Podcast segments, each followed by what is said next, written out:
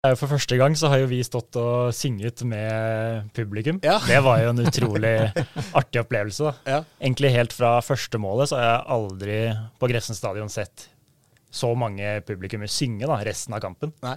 Så det, det var skikkelig sånn god følelse å være på en ordentlig stadion da man fikk sånn følelse.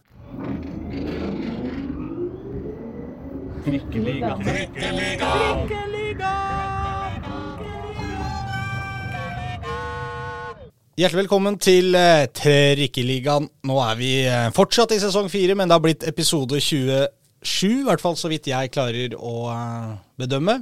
Jeg har to, eh, to karer med meg i studio i dag. Den ene er velkjent, det er deg, Reidar Solli. Eh, bare hyggelig. God dag, god dag. God dag, god dag. Og den andre er vår gjest, Kjelsås-spiller eh, Jens Bonde Aslaksrud. Gjest og, og Kjelsås store cuphelt foreløpig, i hvert fall. Morsomt å ha deg her. Jo takk, gøy å være her. Ja, du er spent? Jeg er litt spent. Ja. Hvordan har eh, Jeg syns ofte det er litt gøy å høre hva liksom gutta tenker om eh, det som har skjedd den siste uka. Hva har vært i fotball, eh, fotballsfæren din? Hva har, festet seg på minnet? Hva har skjedd? Nei, altså rundt cupen så er det jo selvfølgelig Altså det er jo Det er jo stort sånn som det er nå.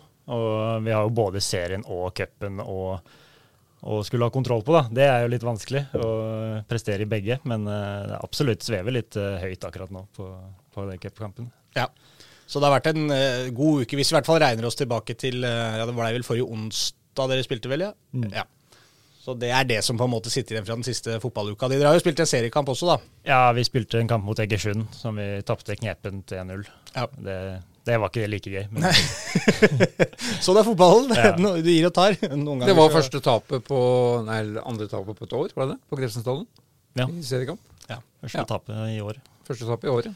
Mot topplaget. Ja. Men det, kampen viste jo at det er ikke, er ikke langt unna toppnivået der heller, da. Nei, og Sånn i løpet, sånn sett i kampen så er det jo vi som egentlig har flest sjanser òg. Så Ja. vi kan like liksom godt uh, ta den seieren, vi òg. Ja. Så litt ja. men bare må inn til det, det spørsmålet som eh, heller ikke Eivind Kampen klarte å svare på, men han, han henviste oss til en spiller som jeg ikke husker hvem var. Men Grefsen stadion, ligger han på Grefsen eller ligger han på Kjelsås? Du, du er lokal, du er lokal eh, opprinnelig, er du ikke det? Jeg er lokal. Ja. Med ja, Grefsen-området. Ja. Men ligger, ligger Grefsen stadion på Kjelsås eller Grefsen? Det er et vanskelig spørsmål, men jeg har alltid tenkt Kjelsås. Men det er jo Kjelsås. Ja. Ja, for dette, ja, du er jo også fra området, er du ikke det da, Reidar? Jo, jo. Ja da, så vi har jo på en måte alltid masse folk som er fra området, uten at det hjelper noe som helst i dette ingen. spørsmålet. Men jeg har vel sagt at jeg støtter Grefsen stadion bare fordi den ligger på nedsida av den derre hovedveien. Grefsen, Grefsenveien. Ja, Så jeg tenker at liksom, kan vi ikke bare si at det nedafor er Grefsen og det ovenfor er Kjelsås? Men jeg er jo ikke derfra, så jeg skjønner at det blir for enkelt. Det blir, det blir antageligvis altfor enkelt. Men det var en digresjon. Ja. Ja. Eh, fotballuka di, Reidar, hva har eh, hva skjedd? Nei, det er Kjelsås, det, selvfølgelig. Ja, det er Altså- det som sitter hos deg òg. Ja, det er jo det. det er, altså, dem kan, jeg vet ikke om det er unikt, men hvis dere da Altså, det er to kamper til finalen. Og alle, alle spilles på Grefsen stadion. Lengste reisen de har hatt, er Ski stadion i første runde. Så i teorien kan han også komme til en cupfinale ved å spille samtlige kamper hjemme, bortsett fra første runde. Ja. Jeg vet ikke om det har skjedd før, men det burde jeg jo visst. Nei, det, det Det var kanskje ikke så mange kamper igjen da Grane kom til cupfinalen i Nei, ikke sant? 1901, da. Og noe sånt. 02, vel? 02. Ja. De var fra, var fra Nordstrand. Det var kanskje ikke så mange runder. Nei, nei det, det kan nok ha skjedd, på en måte, ja. Ja, men sånn i nyere tid og Det er i hvert fall ikke veldig vanlig. Og det skal vi snakke litt om nå. Eh, først og fremst cupen, for det er det som er det aller kuleste med Kjelsås. Men eh, i hvert fall har blitt da, denne sesongen. Men vi kan jo sånn kjapt sneie litt innom eh, serien også, for hva tenker man på en måte egentlig i, i seriespillet nå? Hva syns man om sesongen så langt? Nei, sånn poengemessig i sesongen nå, så ligger vi vel egentlig der vi på en måte forventer å være, da. Så jeg, Ja. føler, jeg føler liksom ikke at vi har noe Vi har ikke overgått oss selv når det kommer til sesongen. Der skulle vi gjerne ønske å være litt høyere, og spesielt forrige kampen, da, så kunne vi jo virkelig ha vært i toppen der òg. Men eh, cupen har jo gått over all forventning, da. Ja. Det er vanvittig kontrast da, i serien mellom hjemme og borte. Altså det, Ja. Serien over Grorud her for noen uker siden var jo den første bortekampen dere vant. Ja. Og det var jo litt, var ikke helt uflaks heller. Det var, var ikke så veldig bra kamp av oss eh, Var ikke der. det? Nei, det var vel eh, Vi får et brudd i andre omgang som uh, scorer på, og det er vel egentlig det vi har den kampen. Men hvorfor den veldige forskjellen, hjemme og borte? Nei, Det er vanskelig å si, men eh, jeg tenker alltid at det er, eh, at det er mentalitet. da. At vi har jo, Jeg har vært i Kjelsås i mange år, og gjennom alle årene så har vi liksom bygd opp eh, Oslos fort, da, Grefsen stadion. Og jeg tror det fester seg mentalt hos alle, da, at det er en slags ekstra ære å forsvare hjemme. da. Ja. Og det er jo selvfølgelig noe vi må klare å ta med oss ut i bortekamper. da. Men jeg føler det kommer, det har liksom blitt sånn at det kommer gratis hjemme, da, den Ja. motivasjonen. Så merker jeg at det er veldig mange motstandere som klager over ja, forholdene der. De syns det er lite, og de syns det er tørt, og det er eh, humpete og, og fælt, liksom. Men det er veldig fint at de snakker, eh, at de fokuserer på det, da. Det er antagelig fordel dere. Ja, jeg kan, jeg, jeg kan skjønne at de klager litt på banen og sånne ting, men sånn som i cupen, så er er vel ikke en unnskyldning for å, at vi skal slå ut uh, eliteserie og Obos-lag bare pga. en bane. Da. Så Nei, Nei, jeg så jo særlig kampen mot Stabæk, da.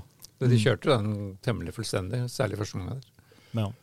Så det var ikke noe Det er ikke bare å skylde på banen. Nei da, de beste, altså de beste fotballspillerne håndterer jo alle underlag. Så akkurat det er ikke noe unnskyldning, nei. Det, det er jo likt for begge lag. Men det er klart, det er jo deres hjemmebane, så dere er jo litt mer vant til det. Og det er vel kanskje det de legger like mye i det som at banen er vanskelig å spille på, på, en, på et vis. Men dere har jo også alltid blitt beskyldt på Kjelsås for å spille en veldig luftig fotball, for å kalle det sånn. Ballen er lite på bakken, og da er det jo fordel med, med dårlig gress hvis det andre laget har lyst til å bruke, bruke det. Men dere er vel ikke så voldsomt, eh, voldsomt direkte som, som Kjelsås på en måte er kjent for. Dere får jo fort det der stempelet. Hvis dere slår tre langballer i en kamp, så er det på en måte Kjelsås-fotball og helt eh, håpløst å spille mot. Ja, altså vi, vi har jo det stempelet på oss hele tiden, men jeg syns jo de siste åra at vi begynner å spille ganske fin fotball. da. Og vi merker jo at eh, alle lag som kommer til Grefsen stadion, slår jo vel så mye langt som oss, så det er ikke noe forskjell der. Nei. Nei, det, det var jo som eh, da jeg snakka med Eivind Kampen for noen år siden, som jeg har dratt opp noen ganger, hvor på en måte forskjellen fra da Stig Mathisen var der og når han er her, det er at eh, under Stig Mathisen så slo de lange baller, nå slår vi lange pasninger. Det syns jeg er litt fint. Det er, Ja, ja, det er forskjell på det. ikke sant? Det er forskjell på. Det er ikke kelk, det er lange pasninger. Hvorfor skal vi stå og trille ball langt bak der når de presser ut, når vi kan løfte den over? Det er mye enklere. Ja, ja. Men Stig Mathisen hadde jo da 19 sesonger i, som Kjelsås-trener, og Eivind Kampen er nå inne i sin tolvte. Han går for det. Hva sa du? Ja, han går for det. Ja, han går for det. Ja. Så hvis de er rimelig, rimelig enige om spillestil, så skjønner jeg at, at ryktet lever, da. Om mm. Kjelsås har sitt stempel. Ja. Men eh, Jens, for å bare bli litt kjent med deg, er du eh, vi, Nå vi, vi vet at du er fra, fra Grefsen, hva er det du sa da? Det er der du er Ja, Grefsen Disen er der du er oppvokst, på en måte? akkurat, akkurat som meg. Da. Hvor, hvor på Grefsen er du fra? Eh, Det er i Damveien, altså Ja. i, ved skoleveien der, da. Ja, Det er, det er ca. Ja, 400 meter fra da jeg vokste opp. Ja. På Disen, Disen gård. Og du er oppvokst på gård? det var nytt for meg. ja, ja. Dette er breaking news. Ja, det har jeg aldri hørt noe om.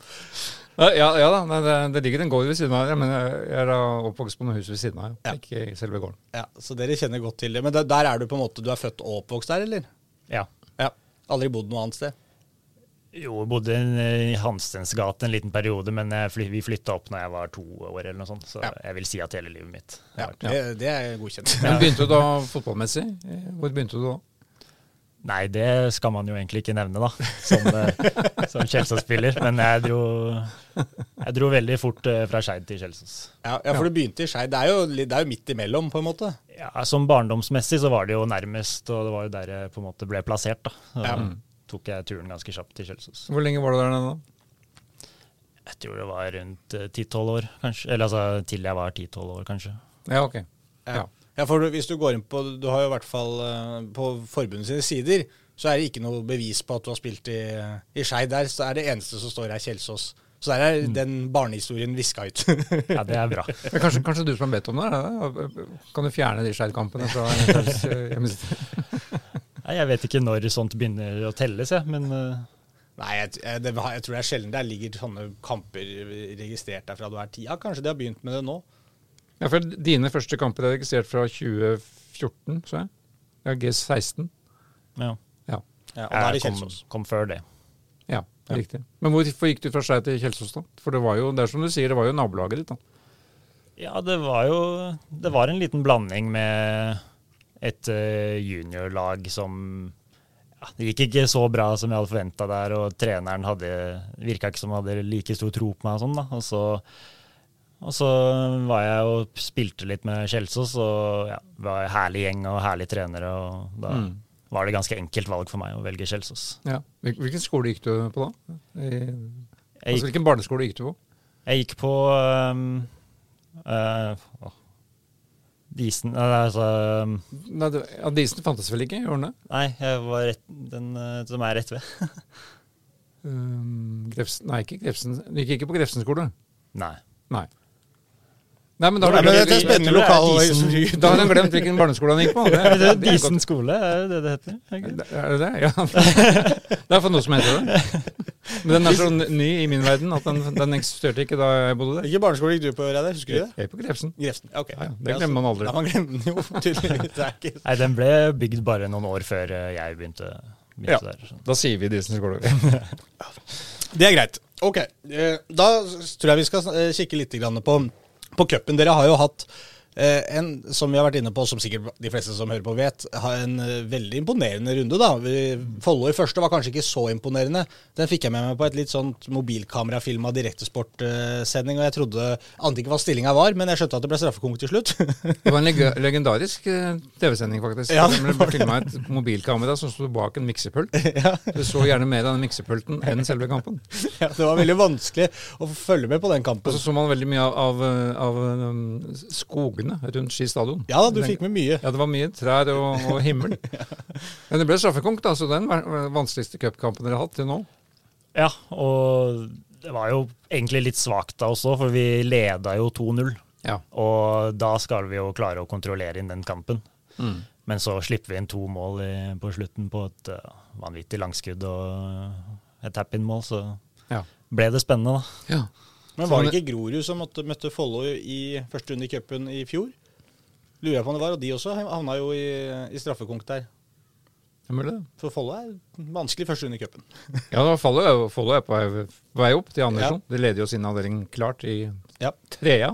Men det er jo grunnen til at vi sier at det er jo det enkleste, fordi alt det andre som kom etterpå, var jo, har jo vært av eh, vesentlig høyere kaliber. For etter det så fikk dere jo da Stabæk og hjem på, på, på Grefsen stadion. Det, det er jo egentlig her eventyret starter, på en måte. Ja. Og og da begynner jo egentlig eventyret for deg òg, for eh, etter den Follo-kampen hvor du vel ikke scora, så har det blitt mål i samtlige av de tre neste cuprundene. Du scora mot Stabæk også. Ta oss litt gjennom den matchen, da. For det er jo, det, det er jo eliteserielaget dere faktisk eh, har slått ut, da. Ja. Nei, det, altså, det var jo en Vi fikk jo en pangstart uh, på kampen. da. Vi dominerer jo de første 30 helt. Um, og um, altså, keeperen uh, gjør jo en feil da, og sentrer den uh, rett til meg. Mm. Som jeg da setter i stanga, og så et veldig rart selvmål. Og da, da tenker jeg sånn for min del i hvert fall, da, at det, det er sånn typisk der spissmål begynner å løsne. da, At det har liksom ikke sittet helt, og så får du et litt sånn flaksemål. Og så begynner det bare å renne inn etter det. da. Jeg var litt Også, sånn, eh, jeg hørte med Ola Brynildsen og i Molde. Han jo skutt, fikk jo skutt ballen i kneet i mål. Etter det så har han jo vært ganske god og skåra mye mål. ikke sant? Det er ikke så viktig åssen det kommer, Nei. bare det kommer. Ja. Nei, og så får vi jo ganske kjapt etterpå et, eh, en veldig fin kontring, der til slutt eh, jeg får et innlegg fra Willum da, som jeg får knea inn i mål. Mm.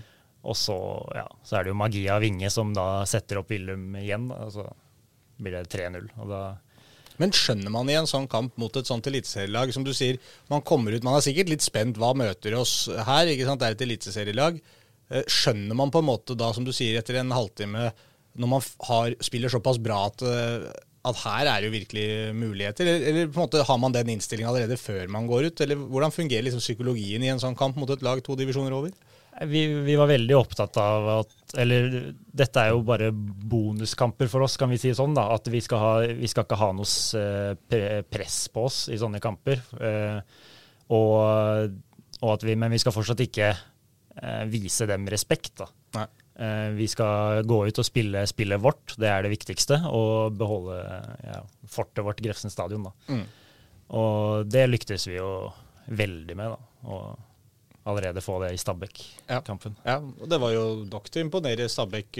Rasmus forsvant jo Eller han har vel ikke dratt igjen, kanskje, men eh, han eh, Han forsvinner 1. august. Ja, så det, det, han imponerte jo i den kampen. Eh, Det tror jeg går litt tilbake til Dere møtte jo Stabæk i treningskamp i Elleskvallen i Mm. januar. Det var jo, det husker jeg, det, det var jeg. Og da snakka jeg jo tilfeldigvis med Lars Bohin etterpå.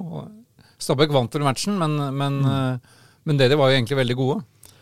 Ja, den Eh. kampen har vi overraskende mange sjanser òg. Ja. Og et eh, feilaktig annullert mål som jeg skårte. Det var Ja. veldig kjipt. Stemmer det. Og da nevnte jo Lars Bohin nettopp Rasmus Eggen vingene, som han hadde lagt veldig merke til et, etter den matchen. Ja. Det var i januar.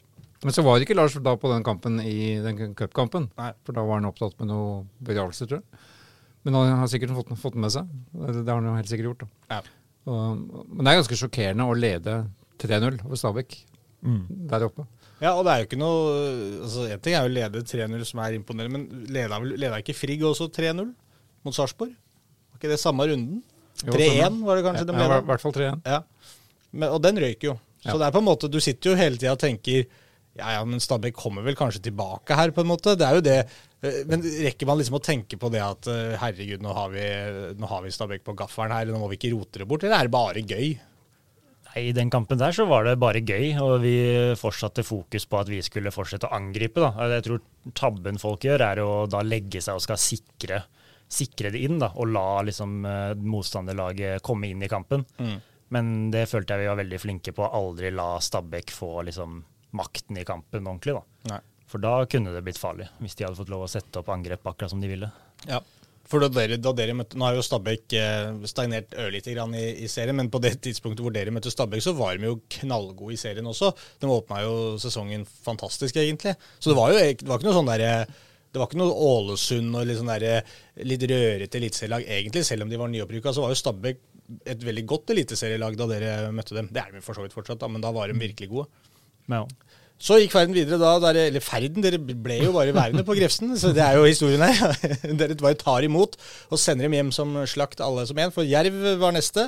Og da har du et eh, motsatt av Stabæk på en måte da. Stabæk som nyopprykka eliteserielag, Jerv eh, som rykka ned fra eliteserien, så det er jo et eh, veldig godt fotballag egentlig det også, bør i hvert fall være.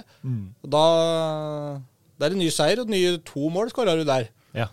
Så det er cup eh, Altså, du, du får det til å svinge i, i cupen. Hvordan var Jerv-matchen? Si- Siste kom vel åtte minutter på overtid. ja. Syv-åtte minutter på overtid. Ja. Ja. ja, hvordan opplevde du opplevdes det den? Nei, det var jo Jeg syns nok en gang at vi liksom går ut fra start og starter å dominere, eller har veldig mye sjanse og dominerer, da. Og så går det jo selvfølgelig litt vår vei når vi klarer å slå et eh, langt innlegg og heade inn eh, et ganske fint mål. Em, da får vi jo ja, Da får vi jo ledelsen og får ekstra troa, da. Og så um, får jo de et eh, både et rødt kort, ganske Ja. dumt gjort av eh, han spilleren, syns jeg, og eh, en redusering, da. hva var det som skjedde? Nei, det var eh, Det var at det var en liten duell, og så tror jeg Blikst krangler litt borti den, og så tar han et kvelertak da, på Ja, stemmer, det var det der, ja. ja. Og det er jo soleklart rødt kort når du kommer opp i ansiktet på folk på den måten. Ja. Kvelertak er rødt kort. Det har, ja. det har vært helt siden din tid, Reidar. Ja, Kvelertak har aldri vært lov, det. Husker det ble innført, ja. Det, da måtte vi slutte med det. Ja. Ja, og så var det Koffa i, eh, i det som foreløpig er den eh, siste kampen dere har spilt i cupen. Eh, der var jo jeg, faktisk, og overværte det. Og la jo i hvert fall merke til at det var bra trøkk rundt kampen. Mye, ekstremt mye folk. Det var vel var det ikke ny publikumsrekord da, Reidar? Var det ikke du som snakka om det?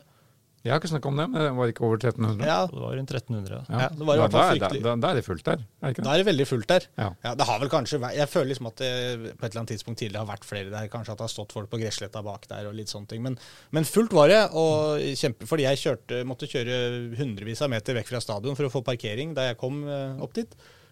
Og det var, da skjønte jeg at her eh, blir det mye folk i dag. Så det var morsomt. Det var sånn ordentlig, ble ordentlig Oslo-derby. Oslo-derby. og det var, det var litt temperatur i den matchen også. Kjente at uh, Koff, Det er noe med ja, Stabæk og Jerv selvfølgelig, de syns det er flaut å tape mot Kjelsås, men Koffa som på en måte har markert seg såpass i, um, i eh, førstedivisjon de siste sesongene, vil liksom etablere seg som Oslos nest beste, og for ikke å si kanskje snart beste fotballag. så, så er det jo, For dem så tror jeg det var eh, liksom, De kjente litt på det at vi, vi, vi kan ikke tape mot Kjelsås her nå, liksom. Vi skal jo, vi skal jo være på en måte det nummer to-laget i Oslo. Så det blei litt tenning i den, i den kampen der. Ja, det ble veldig tenning, og det var jo kanskje Det er jo den kampen som har vært mest jevn nå. Ja. Eh, der har jo Koffa er jo frempå flere ganger og går vel kanskje an å si at de burde skåre ett mål i løpet av den kampen. Mm. Eh, men nok en gang så er vi synes vi vi er solide defensivt, og vi står imot det de kommer med. da. Ja. Og ja, så er det jo selvfølgelig det, en langpasning og et mål som eh, Ikke bare et mål, det var jo et jævlig fint mål òg, da. Fordi, eh, for dem som da ikke kan historien, eller husker historien, det er ikke så lenge siden, men vi, vi kan jo ta det. For det står jo 0-0 eh, helt til vi går inn eh, i Ja, det er vel inn i overtida, ja. Ja. ja. To minutter på overtid, så får jo du eh, ballen. Mm. Og det er, det er et stykke fra mål, og det er skrå vinkel. Men hva ser du, og hva tenker du, og hva gjør du? Nei, altså jeg får jo en eh, langball eh, fra et frispark, Mm. og så går jeg litt i kroppen på han eh, stopperen, så han ikke får heada han ut. Mm. Og så går egentlig ballen i en perfekt eh, bue foran meg, da. Så legger veldig opp til eh, en avslutning på ett touch. Mm. Og så er jo keeperen klistra i nærmeste hjørne, så jeg ser jo at hele bort, eller lengste hjørnet er åpent. Og da handler det bare om å roe ordentlig ned og gjøre det best mulig. Og det beste mulige, det var Det var å sette den i lengste. Ja, du lobba den vel over, for å si det sånn, da. Det var jo Ja. en bue over keeperen, på en måte. Er det riktig å si det, eller? Ja, det, det blir jo det. Ja. Men eh, en sånn avslutning er jo, blir jo ganske mye lettere når du får spretten i tillegg, da, og slipper å chippe fra, fra bakken. Ja, ok, Så det var ikke imponerende i det hele tatt. Jo da.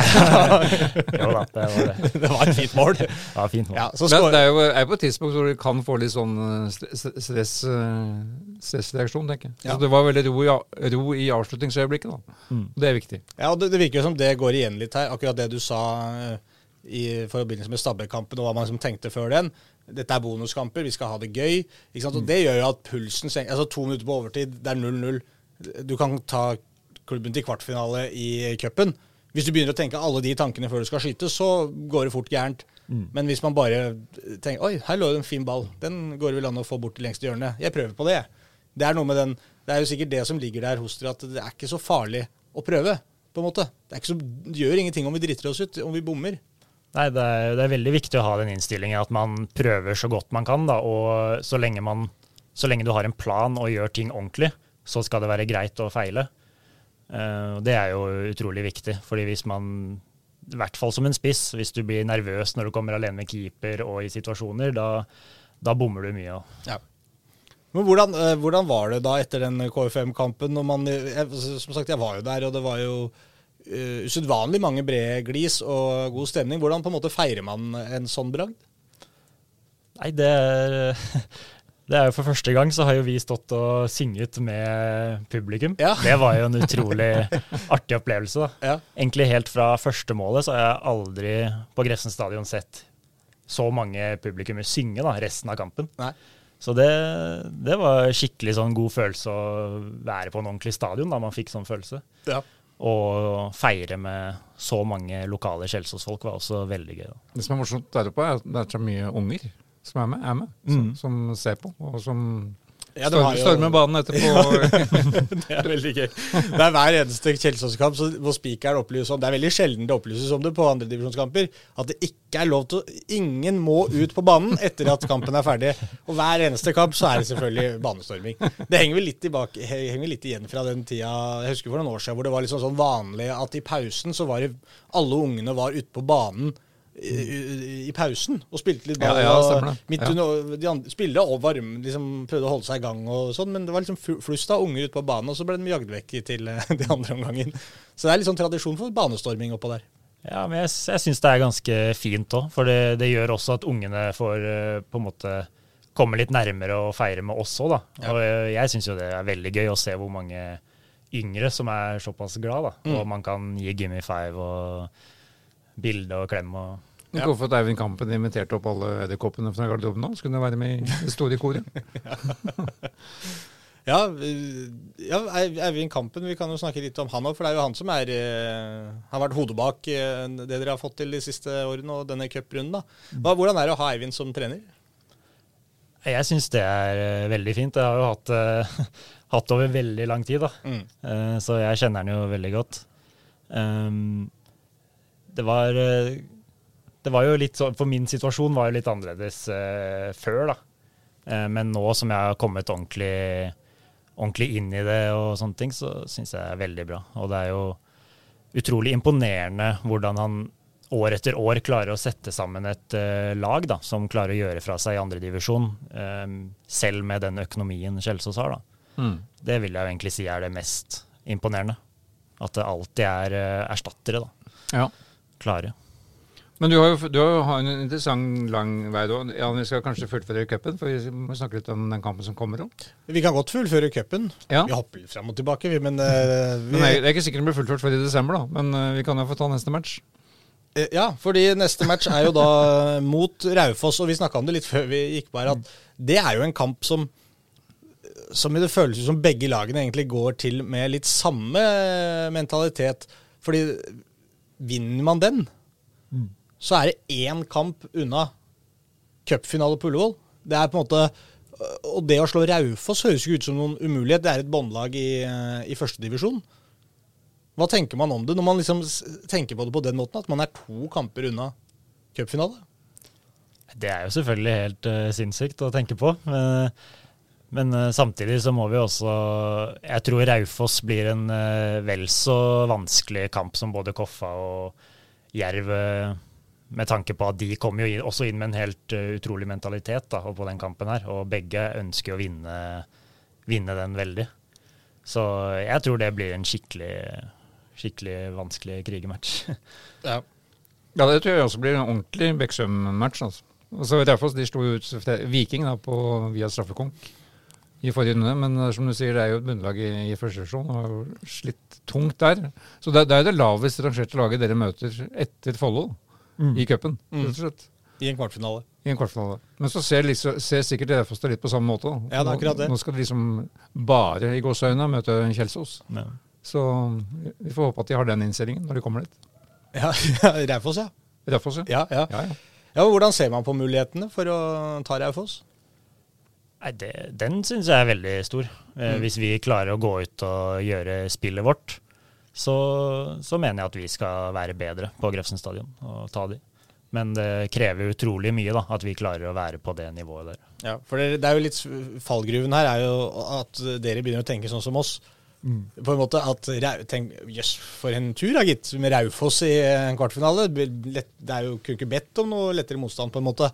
Men så vet man jo at det er eh, At det blir det blir beintøft, da. Det er, jo den letteste motstanden eh, på papiret Ja, i, det er akkurat det. Men, men hvis man, det er vel det som alltid er skummelt. Da. Hvis man tenker det, så blir det, så blir det tapt istedenfor. Hvis man Ja. føler at Men det er klart, Rau, som vi sier, Raufoss og Kjelsås litt i samme situasjon her. Og hvis det er noen av de to lagene som virkelig tenker at oi, her hadde vi flaks, så må det jo være Raufoss. For de er jo tross alt divisjonen over dere, da.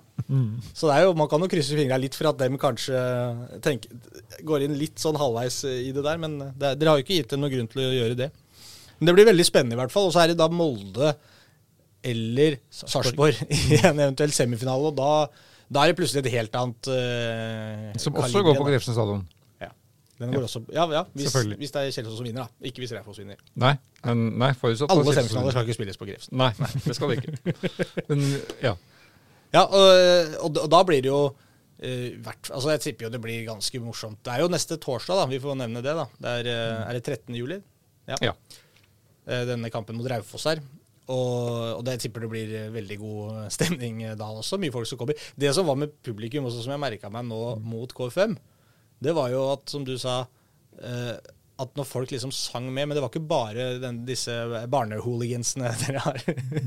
det var også de voksne som sto bak. De klarte liksom å få dratt med seg alle de, eh, de fedrene og supporterne og alle de andre som hadde tatt turen. Da. De, de blei med og liksom heia og klappa og sang. Og det er ikke alltid skjer. Jeg føler ofte at det er litt sånn de sitter litt tilbakelent, og så unga flyr og øh, trommer og klapper på en måte. Men nå var det sånn ordentlig, som du sa, litt sånn stadionfølelse. Ja. Du merka at det var noe som betydde noe.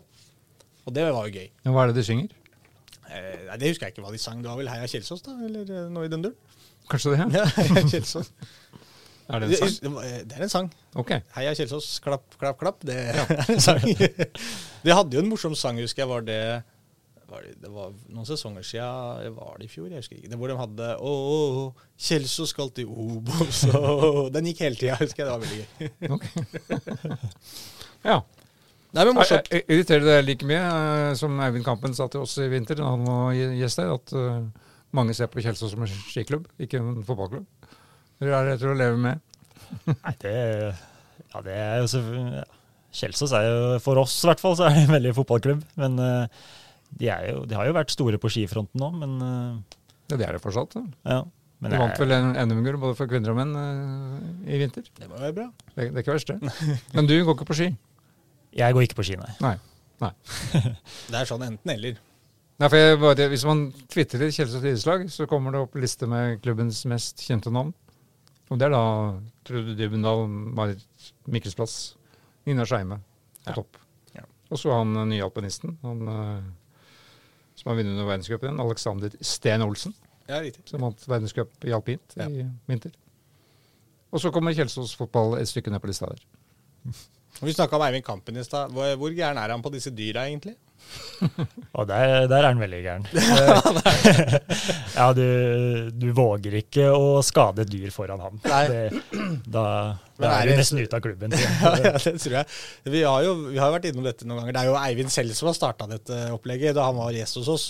Hvor han, øh, hvor han babla om øh, disse kråkene. Han har det oppi, eller var det skjærene, er det vel? Ja. i treet bak målet der, og edderkopper i garderoben, og det er jo mye, mye, mye rare dyr han passer på. Det var, vel, var det ikke en eller annen som sparka et dyr en eller annen gang òg? Mener jeg, på en trening eller noe sånt. Hvor, ja, det, Ja, ja det, det var, noe det ikke det var, en, det var en Men Hvis du er uheldig å tråkke på en øh, edderkopp, da? Uforskyldt? Nei, da bør du ikke si noe. Nei, du må bare være stille. Det blir ikke begravelse, på en måte. Det er ikke så ille. Nei, ikke som jeg vet. Det kan, Nei, kan fort hende at han bruker fritida på det. Når dere har dratt hjem, så Ja. har han en liten seremoni.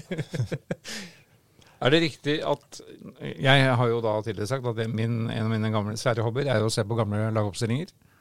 Mm. Det syns jeg er morsomt. Så jeg gikk Ja. tilbake da til 2014. Er det riktig at du debuterte da for eh, Kjelsås 2, altså som seniorspiller? da? Eller du var jo, du var jo gutt. I 30. mai 2014. Strømmen 2, Kjelsås 2. Det er det første vi har funnet deg i, i NFFs lagoppstillinger. Strømmen 2 vant 7-0. Det må ha vært en uforglemmelig opplevelse i tredje divisjon. nei, akkurat den kampen der skal jeg si at jeg har glemt. Uh, Den har du fortrengt. Den har jeg. Det er kanskje like greit. Er, For da spilte du sammen med Martin Fasting spilte på det laget, og ikke minst da Kjelsås-legenden Dag Halvorsen, Ja. som er inne med kamper fra 1998 på, Ja. på Kjelsås. Men dette var Kjelsås 2, da, vel å merke. mm. Men så rykka jo da opp til um, Var det i 2015 da, at du debuterte for A-laget? Antagelig. ja, mot Ørn Horten Mot Ørn Horten, ja. i cupen. Og, og da um, Og husker du det bedre? du det? Det husker jeg veldig godt, for da kom jeg inn de siste fem minuttene. Ja. Så tror jeg først jeg kom alene med keeper, bomma. Begynte å gå blø neseblod, måtte ut på sidelinja i to minutter. blødde ble neseblod fordi du bomma? Nei, men i en annen duell, da. Og så måtte jeg allikevel stå to minutter og tørke det, og så kom jeg inn igjen og skårte. da. Ja. Så Så det var ditt første mål på A-laget? ja. Og det var cup, var det det? Nei. Jo, det var Jo, cup. cup. Det var cup, ja. Første runde i cupen Mm. i 2016, er vi da. Men så gikk det jo du, gikk, du spilte jo mange sesonger da på A-laget til eh, på Kjelsås. Og som du sa, eh, du har jo en litt annen posisjon på det laget nå enn du hadde før. For du tok deg plutselig en sesong i Ullern Mm. i fjor. Hvor, eh, hvor det gikk veldig bra for, for din del. Men hvor viktig var det egentlig, den, det, det året du fikk i Ullern der? Det tror jeg var helt avgjørende for min karriere i det hele tatt. Jeg var Jeg kom meg liksom aldri inn på laget før i Kjelsås, da. Nei. Eh, og mentalt så tok det meg veldig etter Det var jo seks år, da. Det er liksom kriga i seks år uten å klare det. Um, så jeg tror ved å få den der restarten mentalt, da, og mm. i Ullern, det hjalp veldig. Og så få litt ekstra selvtillit med å gå ned en divisjon et halvt år der òg. Mm. Hjalp veldig. Og så tenkte jeg ikke at det skulle komme så fort med den andredivisjonssesongen etter det, men eh, nei, det var alt uh, klikka. Ja. For du ble da toppskårer i Ullern? Ja. Eller? Fem- 15 mål, var det det? 16, 16, med cupen 16 med cupen, Mm. ja. ja. Men hadde, du hadde jo en ganske tøff konkurranse i Kjelsås òg, da. Altså, det var jo denne tida med ja, Jesper, Solli, etablerte seg, og Endre Olav Olsnes. og både Julian og Simen Stamsø Møller Mm. var jo ganske profilerte på det laget der. Ja, og så ble jo Walid Idrissi henta inn, Mm. som ble, også ble toppskårer eh, for Chelsea i hvert fall eh, Ja. en sesong der. Og, Nei, det var tøff motstand hele veien. Det var det. Men da når du får den sesongen i Ullern, så er det jo, som du sier, du får jo bevist En ting er jo for deg selv, og at du spiller på deg selvtillit, men du får jo også bevist på en måte at for alle andre da, at se, jeg kan skåre en del mål på dette nivået. Jeg har det i meg, på en måte, hvis jeg får muligheten til å spille. Og det er vel kanskje det først og fremst, eller ikke først og fremst, men i tillegg, da, som, som gjør at det ble så verdifullt. at da da er det litt lettere å satse på en spiller som du sier OK, han, han trenger bare å spille fast, og gjør han masse mål, han. Og det er jo det du gjør nå. Ja. Egentlig. Du har jo egentlig bare fortsatt i Kjelsås. Ja, det litt treig start, Ja. vil jeg si, i Kjelsås. Men det er jo, får jo alltid sånne perioder som spiss. Men, eh, men ja da. Det, jeg har alltid vært ganske klar på meg selv at eh, hvis så lenge jeg spiller, så kommer jeg til å dukke opp på rett plass eh, en del ganger og score. Ja. Hva slags spiss vil du egentlig eh, karakterisere deg selv som, hvis du hadde vært en, en speider eller en slags agent og skulle liksom gitt deg en profil? det er veldig vanskelig. Det er jo, det er jo målsnik, da. Ja. Altså, jeg har jo, hvis man skal si det sånn, så er, er det jo ikke sånn kjempeferdigheter eh, man kan sikte til ellers. da. Altså, sånn, eh, jeg er ikke utrolig rask eller utrolig sterk eller veldig god til å drible, liksom. Dette er Men, akkurat, eh, dette er akkurat slik Drillo beskrev Ole Gunnar Solskjær, husker jeg, da han kom opp. Ja. Han var ikke god på noe, men han var god til å skåre mål. Ja, det er jo sånn, det er, Men det er litt gøy, for det er akkurat det, sånn jeg ser på deg, jeg òg, på en måte. At mm. du er jo en veldig sånn uh, gammeldags type spiss, som du liksom ikke ser så mye av under kampen, men så leser du på en måte målprotokollen, og så er det liksom Ja, da skåra noen mål, liksom. Og jeg ser det når jeg tar bilder også på kamper. Ikke sant? Da Det er jo fort gjort at du linsa finner Der er det annet som skjer, og der er det en duell, der er det en som utfordrer. Veldig sjelden jeg egentlig har så mye bilder av Jens før det plutselig er jubelbilder.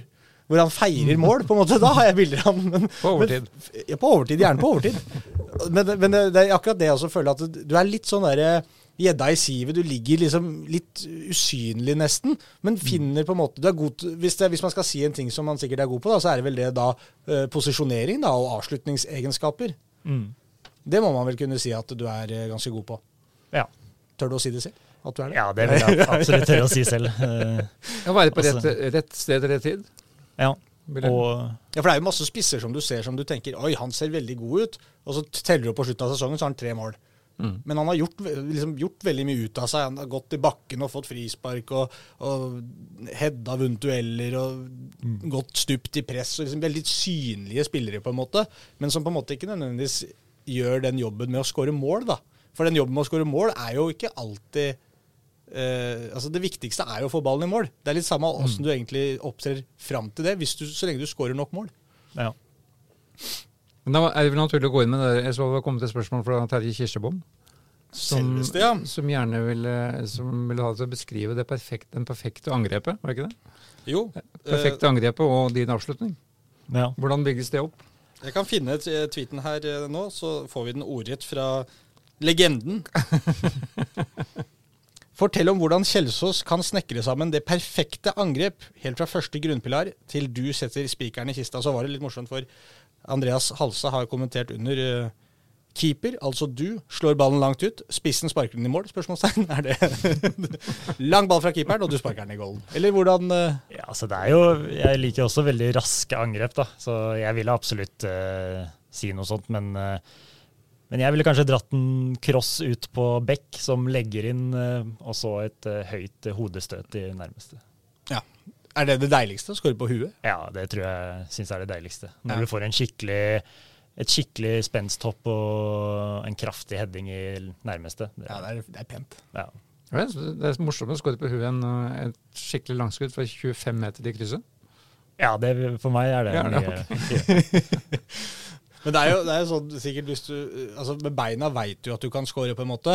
Hodet føles alltid litt mer usikkert. Så hvis, i det øyeblikket man scorer med huet, da føler man på en måte at man er komplett, kanskje. på en måte. Fy faen, jeg scorer med huet òg, ikke sant. Altså, da, nå er det ingen som kan stoppe meg. For du veit jo du scorer hvis du får den på beina. Ja.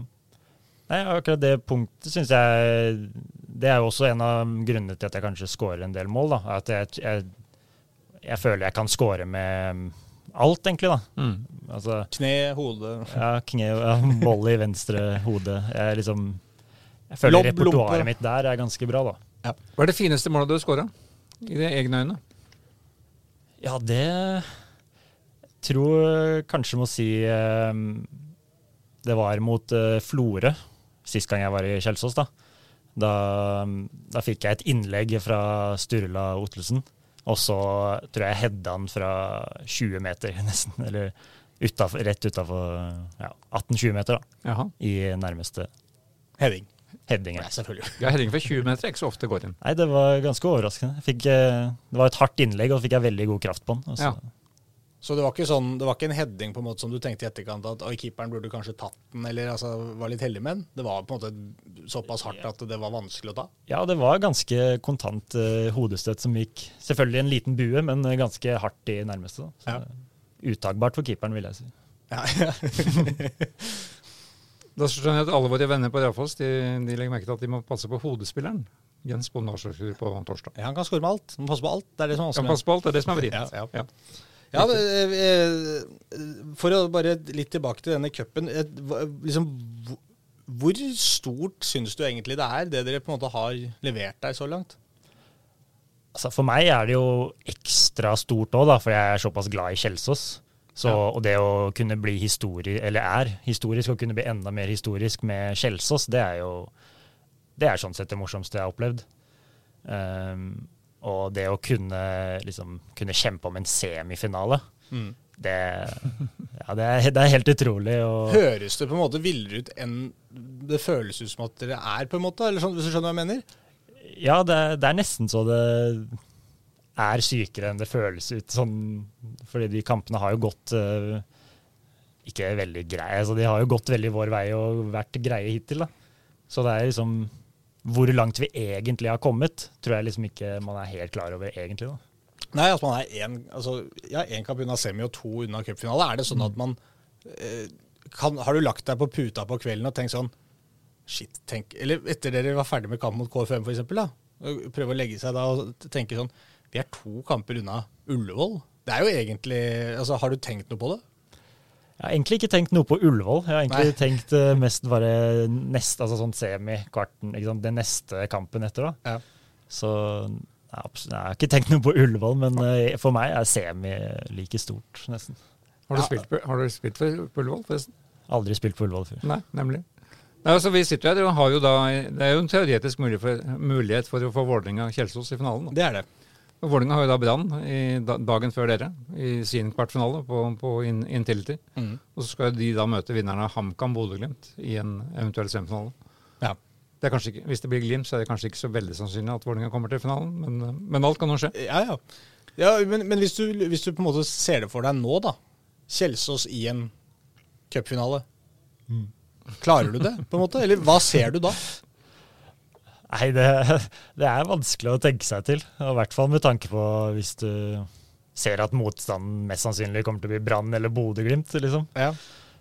Nei, Du, det, du nevner ikke Vålerenga, nei? nei jeg, har, har, eller jeg tror nok dessverre Bodø-Glimt eller Brann kommer det. Ja, dessverre er du hva, eh, hva slags forhold har du til Vålerenga, egentlig? Det er litt sånn det er litt sånn rart, egentlig. Jeg har liksom aldri vært sånn skikkelig Vålerenga-fan, men jeg er jo veldig, jeg liker veldig godt Oslo-fotball. da. Ja. Og jeg skulle jeg vet ikke, jeg skulle liksom gjerne ønske at jeg var skikkelig blod Vålerenga-fan, da, Ja. egentlig. Men du er ikke det? Nei, jeg, er, ikke, jeg vil liksom ikke si at jeg er helt det. Du, du, får det ikke til. Nei, det Nei, Nei, men nå er du, jo, du er jo Kjelsås eh, Det er jo fullt lovlig. Altså jeg, da jeg var på fotball-TV nå, det der programmet fotball.tv, Ja, ja, ja. da fikk jeg jo spørsmål om hvilket fotballag jeg heia på. Og da svarte jeg jo Klemetsrud, på en måte. ja. For jeg, jeg, satt, satt i den, og Da var forklaringen min at hvis du, hvilket fotballag er det du uansett hvem de møter, kommer til å heie på? Det er jo per definisjon det laget du heier på. Og da så, så, så, tenkte jeg sånn okay, Hvis Klemetsrud spiller mot hvilket som helst lag i hele verden, så kommer jeg jo til å håpe at de vinner. Ja. Hvis de er i en cupfinale, da kan ikke jeg si at ja, nei, jeg syns Fredrikstad er ålreit, liksom. Så jeg håper Fredrikstad slår Jeg syns det blir som å heie på han derre eh, eh, Hva heter han spanske tennisspilleren når han spilte mot Kasper Ruud i finalen? Nå glemte jeg navnet på han. Han eh, spanske Alcatraz? Nei, han, han kjempekjente. Mest kjente spanske tennisspiller. Kom igjen, hjelp meg, gutter. Nadal. Nadal, takk. Ja. Ja, men ikke sant, så Satt på puben, og så var det liksom mange nordmenn som hoppa på at Nadal skulle slå Ruud. Ja. Syns jeg var veldig rart. ja, av nordmenn? Ja. Ja, ok. Ja. Det går ikke. Nei, det går ikke. Det er det jeg mente. Derfor så heier jeg Ja. Klemetsrud får fulle støtte. Ja, ja, det er det jeg mener. Så Kjelsås er jo på en måte Det er jo laget ditt, på en måte. Du spiller jo Ja. egentlig for laget du heier på. Ja, det blir jo det nærmeste. Ja. Det laget som er i hjertet mitt, da. Ja. Det er Kjelsås.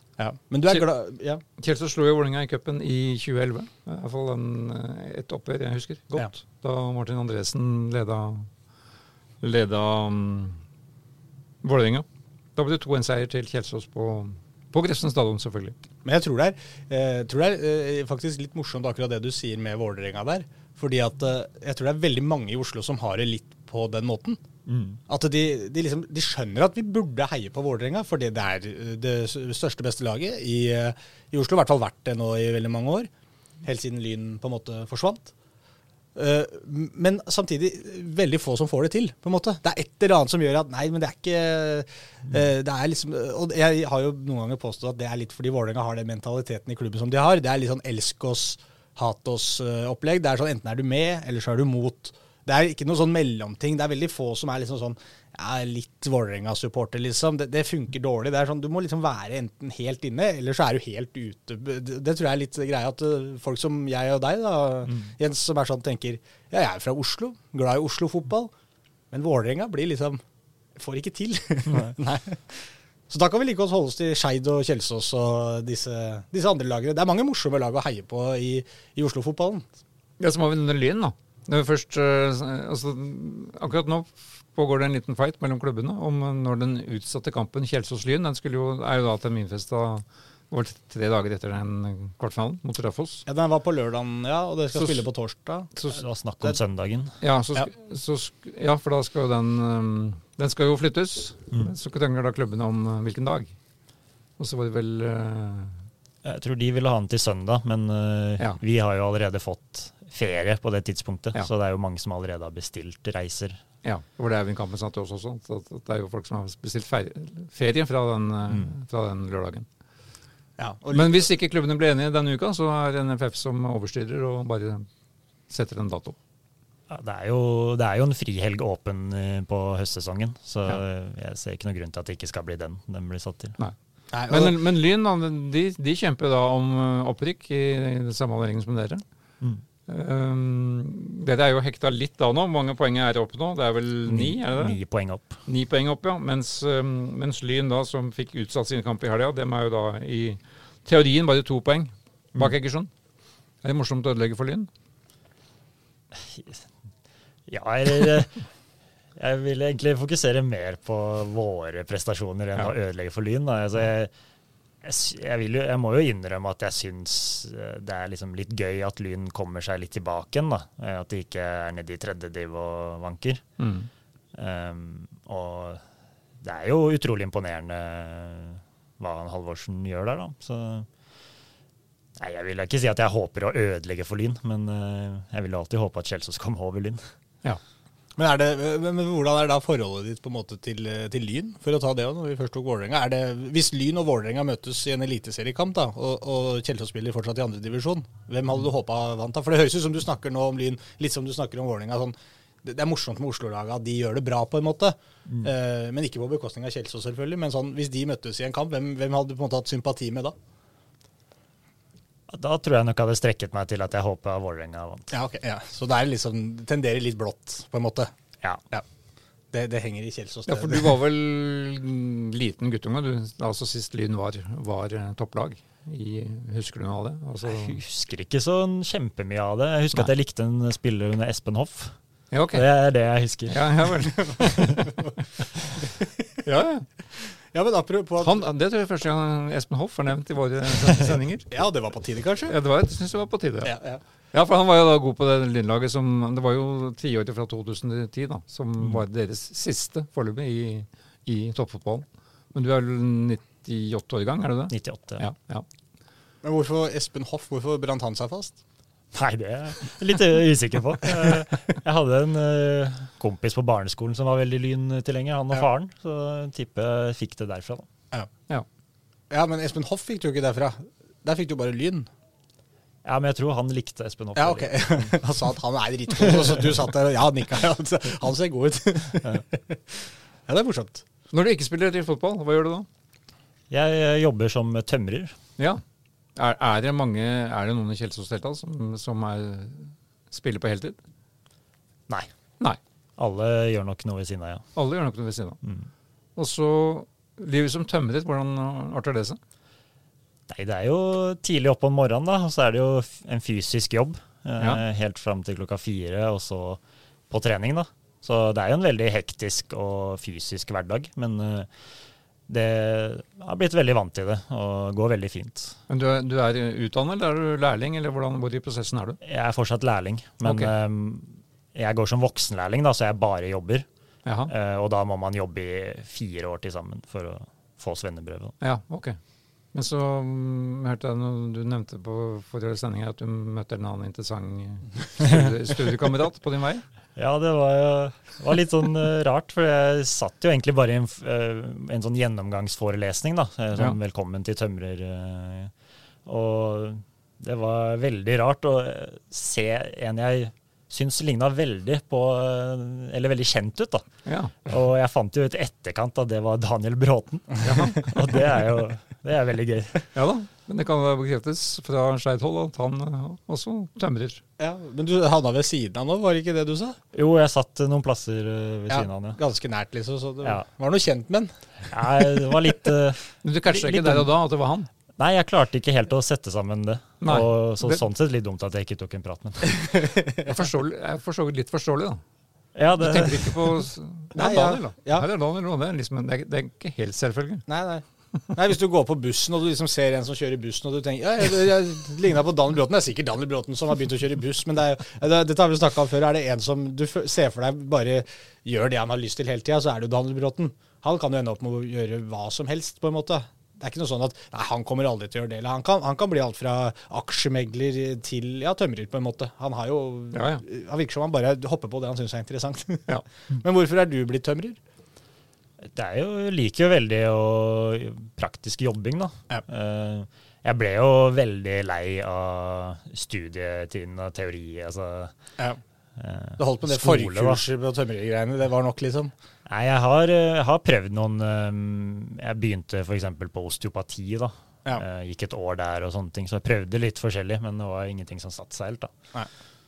Det blei for mye bøker. Ja, jeg tror jeg var veldig skolelei på den tida der. Ja. Uh, og så vet jeg at uh, selv om jeg tar ut uh, fagbrevet nå, så er det fortsatt ganske mange veier fra tømreryrket man kan gå da, Mm. etterpå. Så jeg har fortsatt store Men er tømrer eh, Nå høres jeg helt eh, dum ut, sikkert, men er det det samme som snekker, eller? Ja, de fleste Jeg, kaller jeg det tenker snekker, ja. tømrer, da ser eh, jeg for meg sånn der lumberjack ute i skogen eh, som hugger litt eh, trær, liksom, oppe i Maridalen eller noe, men eh, Nei, tømrer er er, mer er bygge... tømmerhugger, da. tømmerhugger, ja, selvfølgelig. tømrer, han bearbeider Tømrer bygger hus, gjør de ikke det? Jo, bygger hus og, og rehabiliterer boliger og hus og sånn. Ja. Snekker er mer sånn eh, småspikke møbler og Ja, sånn, egentlig. Det er mer sånn møbelsnekker, er det man kaller det. ja, okay. Eller hvis du holder på litt og pusler med noe inne, sånn, der du snekker. Ja, så kan liksom. man snekre litt. Uh... Hjemme. Ja. Ja. Men det er som du sier, er, det er, jo, det er jo fysisk arbeid nå. Mm. Og jeg kjenner noen snekkere. De er ganske søvnige sånn i 54 når de kommer hjem fra jobb, har jeg hørt. Ja, Da skal du på trening. Da skal jeg få trening, ja. ja det, er, det har vært eh, tøft i noen perioder. Og det er, noen perioder er jo tyngre enn andre, da. Sånn som nå med alle disse NM-kampene i tillegg, og så har du fulltidsjobb, og så har du Det tærer litt på, men, eh, men eh, fotball betyr såpass mye for meg akkurat nå at det går eh, Det er veldig lett å gjennom, eller klare å gå gjennom det, da. Ja, ja. ja, det Ja, og når, og når man da er med på eventyr som i cupen nå, da, og, og disse tingene her, så må det jo på en måte hverdagen bli vel enklere når man har det å sveve litt på. Ja, du merker veldig stor forskjell på om fotballen går litt dårlig eller litt bra, med Ja. tanke på energi eh, om hverdagen. Ja. Det merker man helt klart.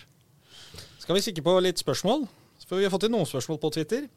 Eh, vi tok det ene fra Terje Eller hadde du noe annet nå, Reidar? Nei, nei, det, Du jeg, er klar for litt spørsmål? Jeg bare fant ut at keeperlegenden spørsmål passer akkurat når vi var snakka om, Ja, ja, ja, om angrepsfotball. Det er veldig fint å få da, ta, ta det andre, du. det er du som har oversikten. det, det første vi får ta, er vel kanskje eh, det at vi får hilse deg fra vår faste programleder, Aslak Borgersrud. For han syns jo Han har jo kjærlighet for deg. eh, fordi han føler det deler et slags eh, brorskap i form av navn. For du heter Jens Aslaksrud, og han heter Aslak Borgersrud. Så det er noe likt der. Så han, eh, han syns det alltid har vært litt gøy. Så han har alltid fulgt litt ekstra med på, på deg når, vi, eh, når det er runder. Så, og Han har også sendt et spørsmål, og han lurer da på Han drar inn enda en Aslak i miksen her. Ja. Nemlig Aslak Bonde. Og lurer på om du ofte blir forveksla med Aslak Bonde. Og det er da en, eh, en Han er vel journalist i Morgenbladet, tror jeg. Jeg skal egentlig ikke si at jeg har hørt om han, så det, det gjør jeg.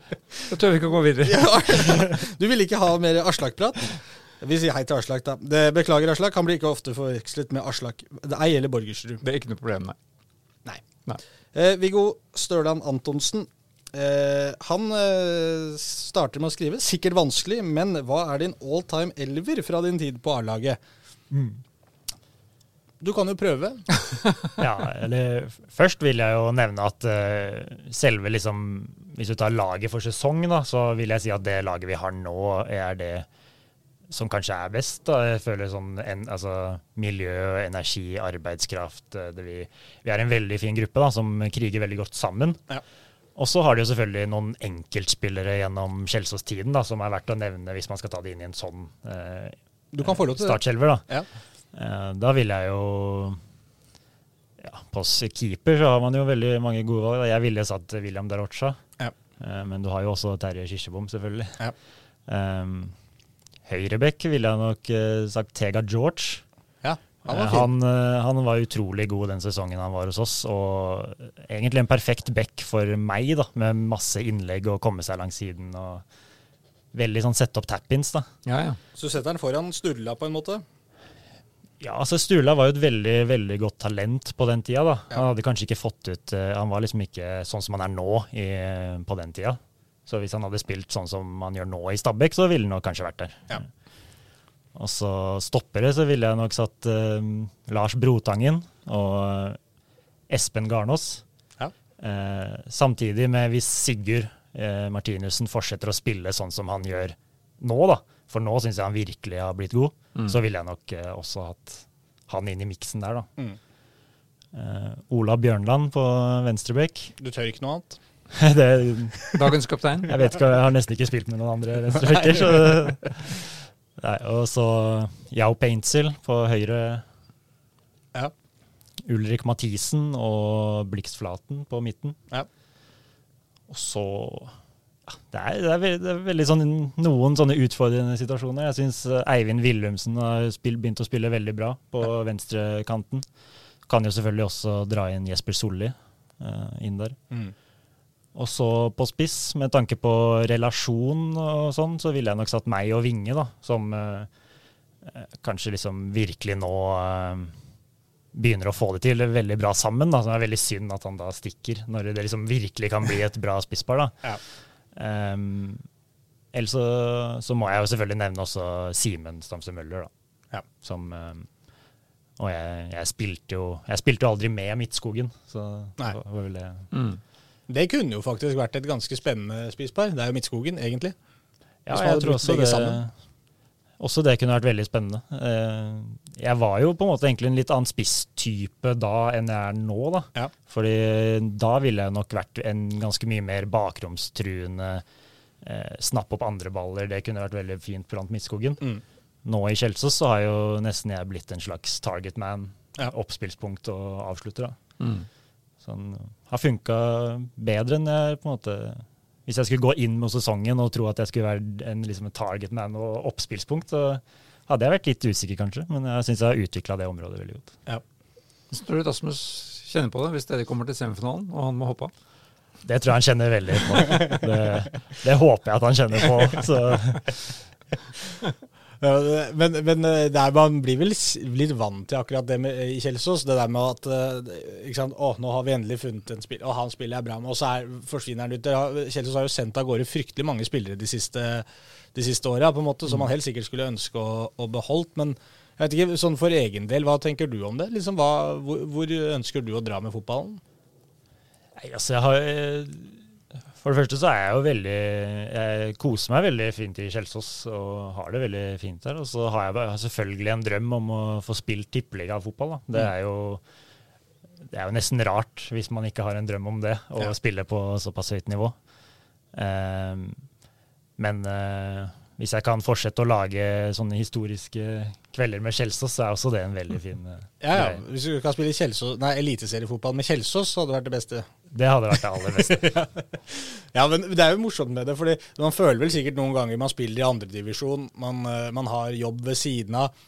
Av og til så må det jo liksom føles som det er ganske langt opp til Eliteserien på, på en måte, men så ser man at liksom lagkamerater som du spiller med, forsvinner opp. Jo Paintstil som opp i Tromsø skåra sitt første mål. Plutselig så er man der. Og det Ja, må jo være litt sånn gøy å ha, være på lag med spillere som viser det hele tiden, da. Ja, så synes jeg, jeg syns det er morsomt at generelt flere folk fra lavere divisjoner blir satsa på, da, eller henta. Um, for jeg mener jo helt klart at nivåforskjellen er ikke så stor som folk skal ha det til, da, med tanke på enkeltspillere. Jeg tror det er mange i Kjelsås som kunne gått inn uh, i Obos og spilt uh, fast, Mm. fast der, da. Um, så nei, det er jo absolutt uh, veldig gøy å vite at det er um, et håp, da. Jeg, jeg føler jo spesielt som spiss da, at uh, målskårer er jo uansett ettertrakta, uansett hvor gammel du blir, holdt jeg på å si. Ja, Så det Nei, jeg har ikke noe Jeg føler ikke på noe utålmodighet fordi jeg begynner å dra på åra, liksom. Nei, nei. Jeg har fortsatt troa. Så, så gammel er du heller ikke. Hvor gammel er du? 25, eller? 25 år. Ja. Det er, det er jo sånn vi snakka med- om med Bård Finne nå, ikke sant? 28 år. Mm. Plutselig nå så er han helt uh, Han har jo stått og røra i mange år, han òg. Selv om han, ja, han har spilt i, på eliteserielaget og sånn, men han har jo ikke spilt fast, egentlig. Nei. Så sånne ting kan jo plutselig Plutselig så slår det til, og så får man et lite eventyr. Ja, og så er det jo veldig stor forskjell på om man, hvis du blir henta som en skikkelig ung spiller, da, Ja. så blir du jo henta for fremtid og sånne ting. Hvis du blir henta som en litt eldre spiller, så blir du henta for å spille. Ja. Så sånn sett er det jo også en betryggende idé. Da. Jeg har ikke lyst til å dra fra Kjelsås hvis ikke jeg skal spille Nei. det stedet jeg drar til. Nei. Midtskogen også, litt som late bloomer, er det ikke det? Jo, Jo. kan du si. Jo. Han har i hvert fall, eller Det er vanskelig å si om de er late bloomer, eller om de på en måte bare har spilt feil sted, eller dratt på litt andre eventyr i mellomtida, at de liksom ikke har blitt satsa på i en eliteserieklubb eller en førstesjonsklubb tidligere. da, Men det er på en måte, han, han, han debuterte jo nå i Eliteserien, ja. så sånn sett kan man jo si Ja. at det er late bloomer. Nei da, men Så var han vel ikke toppspiss før han kom til Kjelsås heller. Nei, Sånn, det, var, nei eh, det, det er riktig. Nei, Så sitter vi her på, og snakker om spisser da, på en dag hvor Erling Braut Haaland ble vel i dag eh, rangert som verdens dyreste fotballspiller, Ja. sammen med, med Papé. Så det er noe å strekke seg etter. Ja. Hva, hva, hva er det som gjør han så god? Altså, du som spiss og målskårer, du må jo følge litt nøye ekstra på hva de, hva de beste i verden gjør. Ja, altså Erling Braut Haaland er jo Han får jo veldig mye av kraften eh, i spillet sitt. da. Han har jo en enorm fysikk, både, både blant de raskeste og de sterkeste, liksom. Um, men så tror jeg hovedet hans er jo mentaliteten hans. da. Mm. At han um, Du ser hvor bra han jobber på alle mulige måter. da. Han utvikler flere deler av spillet sitt. Han, han har jo utvikla seg til å bli en eh, ufattelig god avslutter òg, Ja. Men det er jo, når vi, eh, apropos når vi snakka om hva slags profil vi hadde satt på deg, der kom jeg på et par ting til som han faktisk kunne satt ganske greit på plussida hos deg. Du har jo også en, du har jo også en veldig sterk mentalitet, virker det som. Du er sånn når du først går etter baller og presspill og vin, er god til å vinne baller høyt i banen ofte og disse tinga her. Og det er jo noe du egentlig er ganske god på, sånn som jeg ser det i hvert fall. Ja. Jeg vil si at jeg, selv om jeg ikke kanskje er så veldig involvert i spillet, da, så ligger jeg jo alltid og venter på muligheter. Ja. Eh, Så jeg holder jo hele kampen ved å liksom alltid være på, da. Ja. Og det tror jeg skjer i situasjoner der jeg kan, eh, kan ta forsvarsfeil, f.eks., for eksempel, da, og utnytte det til en situasjon. Det, og sånne ting. For jeg tenker Det er liksom vanskelig ofte å skulle dra noe ut av Erling Braut Haaland, for han er liksom så sinnssyk uh, i alt han gjør. Men akkurat det der med når han går etter baller, det derre altså, løpe 100 da, etter ballen, og da kanskje få en tå på den, kanskje skape noen situasjoner. Det, her, det, det er jo sånn at man eh, kan tenke Det kan man jo gjøre på Grefsen stadion òg. Man kan løpe 100% etter en ball. Ja. Og, og da kan man skape trøbbel. Og det føler jeg, det var det jeg mente, at akkurat det føler jeg at du er ganske god på. At du er sånn Du, du jobber på alle baller. og Jeg har liksom et bilde av deg ned på, langs dørlinja hvor du stjeler noen baller. Du gir, du, spilleren skal skjerme ut ballen. Du klarer å hive deg inn og få liksom Kanskje ikke tak i ballen, men den ruller ikke til fem meter. Spilleren må ta et nytt valg. Det skjer. Du er ganske god på akkurat det. Det trenger ikke du å svare på, det er bare jeg. Det er bare mine tanker. Det var en kommentar om Håkon Toth. Ja, det var er det. Det er et spørsmål fra um, Skeid-hold òg, ser jeg. Ja, skal jeg ta det? Det kan du ta. Det er Jonny Normann Olsen, selvfølgelig. uh, han har to spørsmål. Uh, det med første er jo ganske morsomt. Hvis Kjelsås går til cupfinalen og til playoff-finale for opprykk, så går begge disse kampene i samme helg. Har Kjelsås tropp til å kunne stille to slagkraftige lag på samme helg? Altså, Så bredt er det ikke. Det må jo være lov å si nei på det. Eh, Det er jo Altså, i andredivisjon og sånne kamper så er man veldig avhengig av spillere med erfaring og eh, sånne ting, da. Og eh, ja, med tanke på økonomi og sånn i Kjelsås, så har jo ikke de råd til å ha kjempemange på benken med masse erfaring og sånne ting. Så det består veldig mye av unge spillere, da. Og jeg syns det er jo på en måte styrken og litt svakheten til Kjelsås. da, det er, det er jo mange i rekka som eh, etter noen år kommer til å ta over eh, for de som er her nå, da, og erstatte de. Så der har de jo vært veldig flinke. Og så er det jo manglende erfaring og sånn nå, da, som kanskje de ville blitt litt borte da, i en eh, hard andredivisjonskamp. Jeg Men- tror vel kanskje NFF ville gjort noe med det oppsettet. De flytter nok eh, De flytter vel cupfinalen, da. Ja, de jeg. Du rører ikke playoff. eh. Men, men hvis du skulle det, det er jo spørsmål folk ofte får, og veldig ofte så syns jeg folk svarer vi tar eh, opprykket, på en måte. Eller serien er det viktigste. Og det, det mener vel egentlig alle fotballspillere, egentlig, at cupen er ja, som dere sier, og litt bonuskamper og litt sånn gøy. Men hvis du kunne valgt mellom opprykk og en cupfinale, hva ville du valgt da? Åh, det, er jo, det er jo veldig vanskelig. Ja. Eh, Det var poenget. Altså, jeg ville jo selvfølgelig likt Kjelsås til å kunne gå til Obos, da. Det er jo, det er jo selvfølgelig på en måte drømmen i klubben og, og sånne ting. Ja. Så jeg må nok si det. Men hvis, men hvis jeg ikke sier cupfinale, da, men sier cupgull, du vinner cupfinalen i tillegg? Hjelper ikke. Dette er pressing. Dette er pressing. Utpressing. Nei, det, det er jo såpass historisk for en klubb da, at det er veldig fristende å si det òg. Altså, jeg tenker jo som så at eh, hvis, man, hvis man vinner cupgull altså, Da har du faktisk tatt et trofé, du har vunnet noe. Du har hatt en, hel, altså, en, en historisk reise og alt dette her. Hvis du, sånn, hvis du rykker opp, ja det er jo kult, men så rykker man ned igjen neste sesong, og så er det, måte, var det eventyret over, og det er ingen som egentlig husker det. Altså, en, en cup, bare en cupfinale med Kjelsås vil jo på en måte bli huska for all framtid, egentlig. Mm. Jeg hadde tatt cupfinale, jeg, altså. Hadde du tatt det der? Uh, hvis jeg hadde vært Kjelsås-spiller nå, hadde vel jo en um, Det er som du sier. Det er et øyeblikk og en, en, en kamp som aldri, aldri vil bli glemt. da. Ja. Så, men jeg skjønner at du som spiller er jo et større mål å komme til Obos-ligaen, antagelig. Å komme et nivå opp.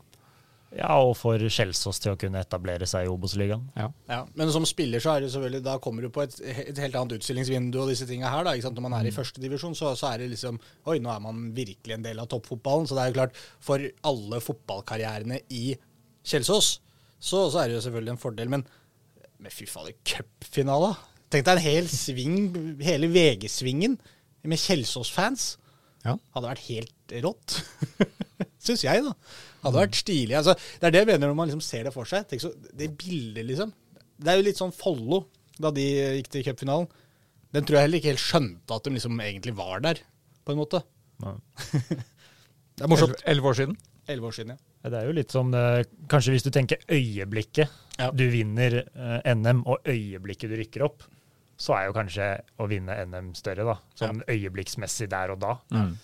Men eh, fremtidsmessig så blir det jo da Og serien. ja. Nei, jeg, tar, jeg vil ha cupen, jeg. Ok, andre fra Jonny. Eh, Skeid har tolv strake serie- og cupkamper mot Kjelsås uten tap. Hvor irriterende er egentlig det?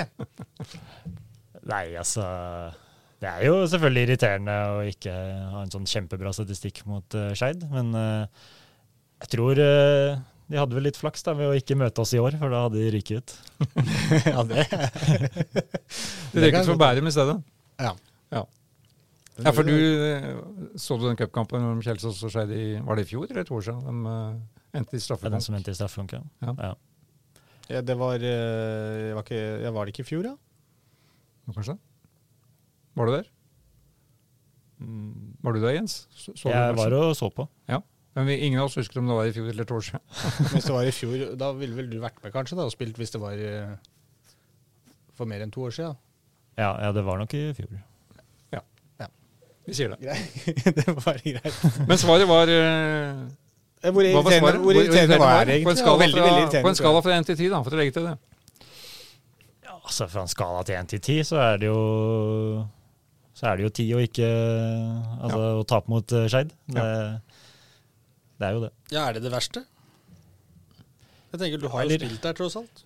Det, så, det som er litt rart eh, akkurat nå, da, er jo at uh, du får ikke de kampene hver sesong. Da, Nei. Eh, med tanke på at de i, har vært i første div i noen år nå. Mm. Så opp, det var vel enda mer heta litt før, da, når de spilte to kamper mot hverandre, i hvert fall i året. da. Ja. Så jeg vil jo ikke si at det har dødd ut, men, eh, men det har jo blitt litt svakere enn det var, da, det der hatskapet mot uh, Skeid og skal vinne mot de hele tida. Men Dere kan, dere kan jo dessverre møtes igjen neste år da, i serien, hvis de, dere ikke skulle klare å rykke opp, og de klarer å rykke ned. Ja, og da blir det Slik ser det jo faktisk ut i dag. Ja. Og da blir det nok uh, kommer det nok opp igjen, et skikkelig hatforhold der. Ja. Ja, for det er, det er jo som jeg har vært innom noen ganger tidligere, at det er ikke mange oppgjør i Oslo som har uh, faktisk de følelsene som Kjelsås Skeid har. Det er liksom, Nei. ja, Du har Lyn Vålerenga, da, selvfølgelig, men, eh, men, men det er et sånn selv, Du snakker med spillere som har spilt i Kjelsås tidligere, og, og sånn, som på en måte Hvis man bare nevner liksom Skeid, så er det sånn Nei, liksom det, de vil vi slå uansett, på en måte. Ja. Og det, er, det, er, det er ikke et sånt Det er ikke et litt sånn tøysete rivaleri, på en, for å si det på den måten. Det, det er et reelt rivaleri mellom de lagene.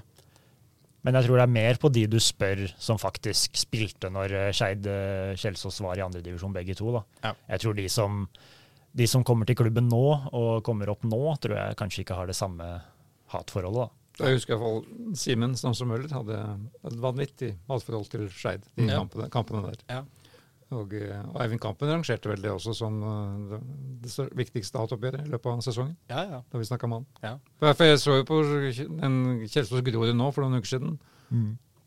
Nå var jo det en vanvittig kamp i 28 varmegrader og sol og døsig og, og det meste. Det var ikke så mye hat der, verken på banen eller tribunen, slik jeg oppfattet det. Nei, men, eh, ja, det, men det er ganske sterkt mot uh, Grorud òg. Mm. Det der å, sku, altså, å tape mot Grorud er eh, Det er ikke bra. Det, den, den kjenner du, liksom. ja Så det det, er er jo jo- den kampen som jeg har dratt opp noen ganger, som jeg husker så godt, var på Grefsen. Hvor det var helt kaos etter kampen, og det var noen drakter som ble revet i. Var du med da? Ja, ja. Det, Da var det det Rolf Teigen som var trener i. Garnås som ofte sto i midten der og reiv. Ja, men det var en drakt som hadde gått i stykker og noe greier, og så kom var det Rolf Teigen, Teigen tror jeg, som var trener i Grorud, som kom inn i garde- Kjelsås-garderoben og Se på drakta her, den er revet i stykker og noe greier, ikke sant? Og det, det var så mye, og Eivind Kampen selvfølgelig, helt rolig. Satt bare og kikka og Ja, OK. Det, er dumt, selvfølgelig. Mens så alle andre det kokte det fullstendig over for. Det var så mye krangling på vei ut av den eh, av banen, husker jeg da. Mm. Og i hvert fall på du skal ned det der, alle skal ned det samme, Samme hølet der òg. Men var du med da? Eh, ja, på det, ja, jeg ja. var nok med på den tida. Ja, jeg tror det. Det er jo ikke så mange år siden, men det begynner Nei. å bli noen. da. 16 kanskje, eller noe der omkring. Jeg må bare ta en ting til her, for jeg fikk, et, eh, jeg fikk en melding av Jørgen Bjørn. Assistenttrener i um, Kjelsås. Og han sendte et, et, et øh, jævlig morsomt bilde. Men det, jeg vet, det er jo ikke så morsomt, på en måte, for det er jo deg med en bandasje, men det er jo bandasjen som er morsom her. ja. Det er en, eh, jeg har det jo her, da.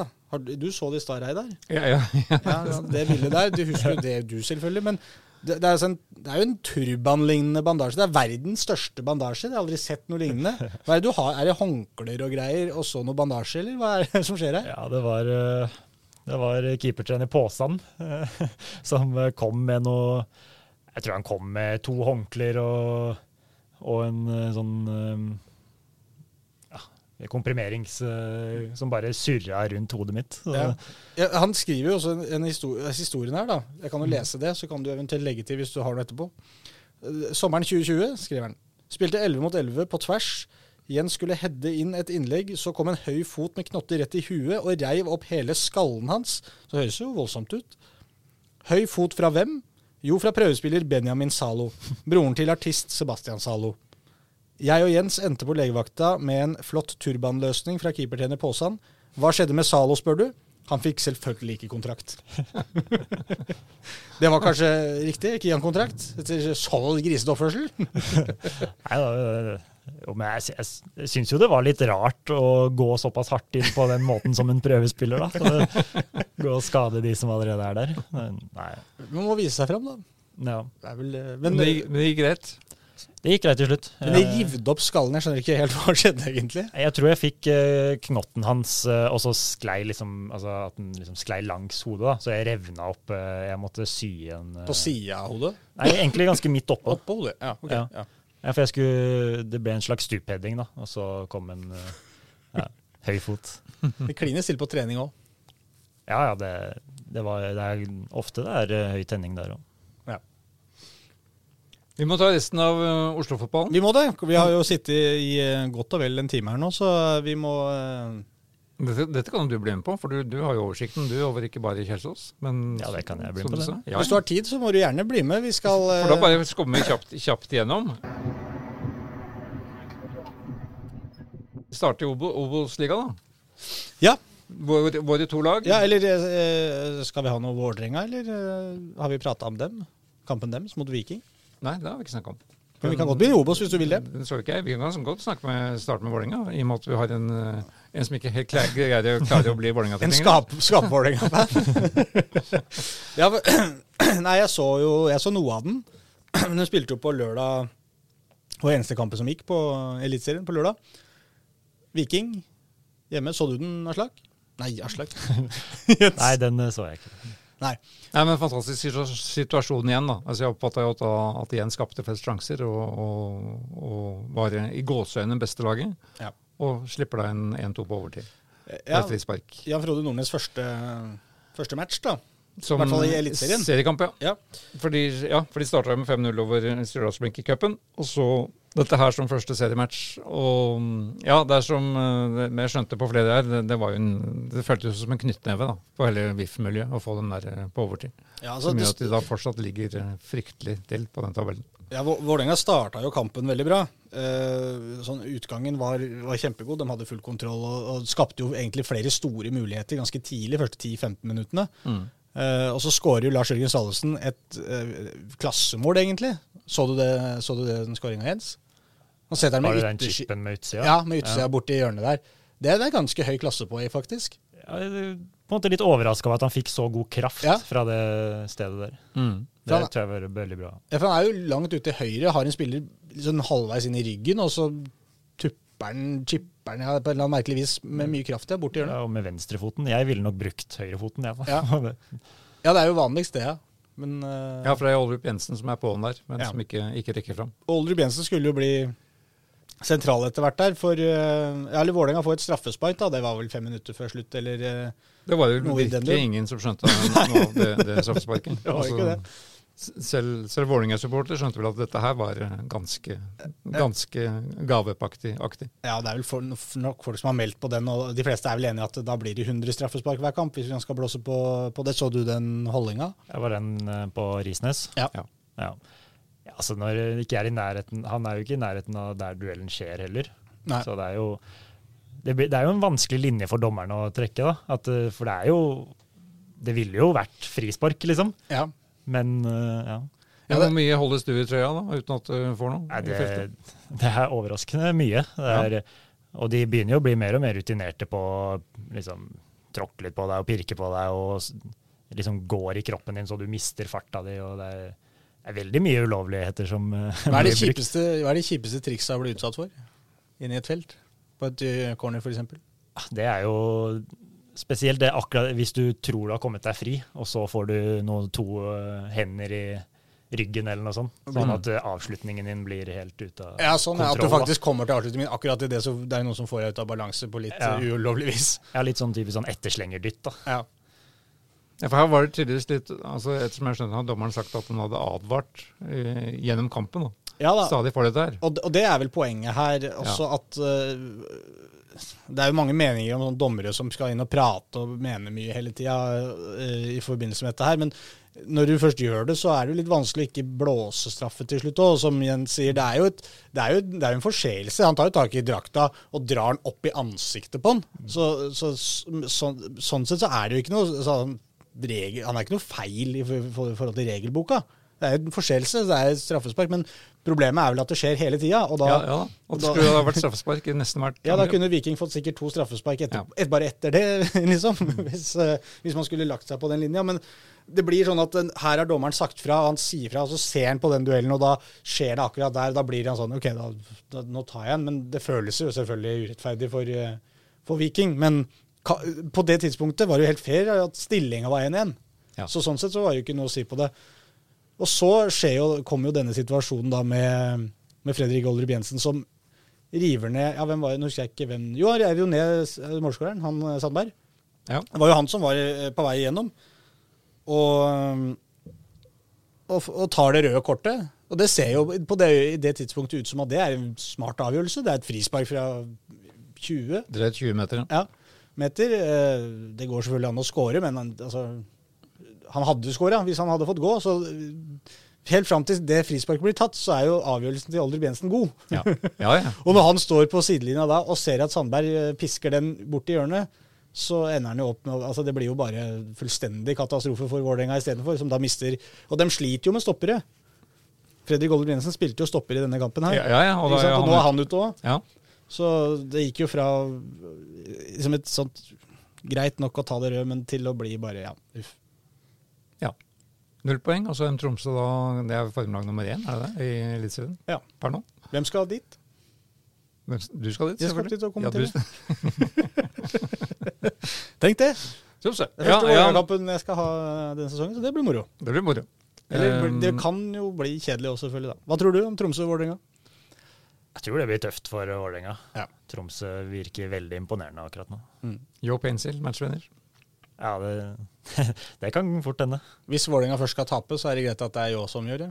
Ja, det hadde jo ja, Jeg er glad på, hadde vært glad på Yao sine vegne da. Eller kanskje Jakob Ramsås kommer inn på um, matchvinner i 89. minutt. Ja.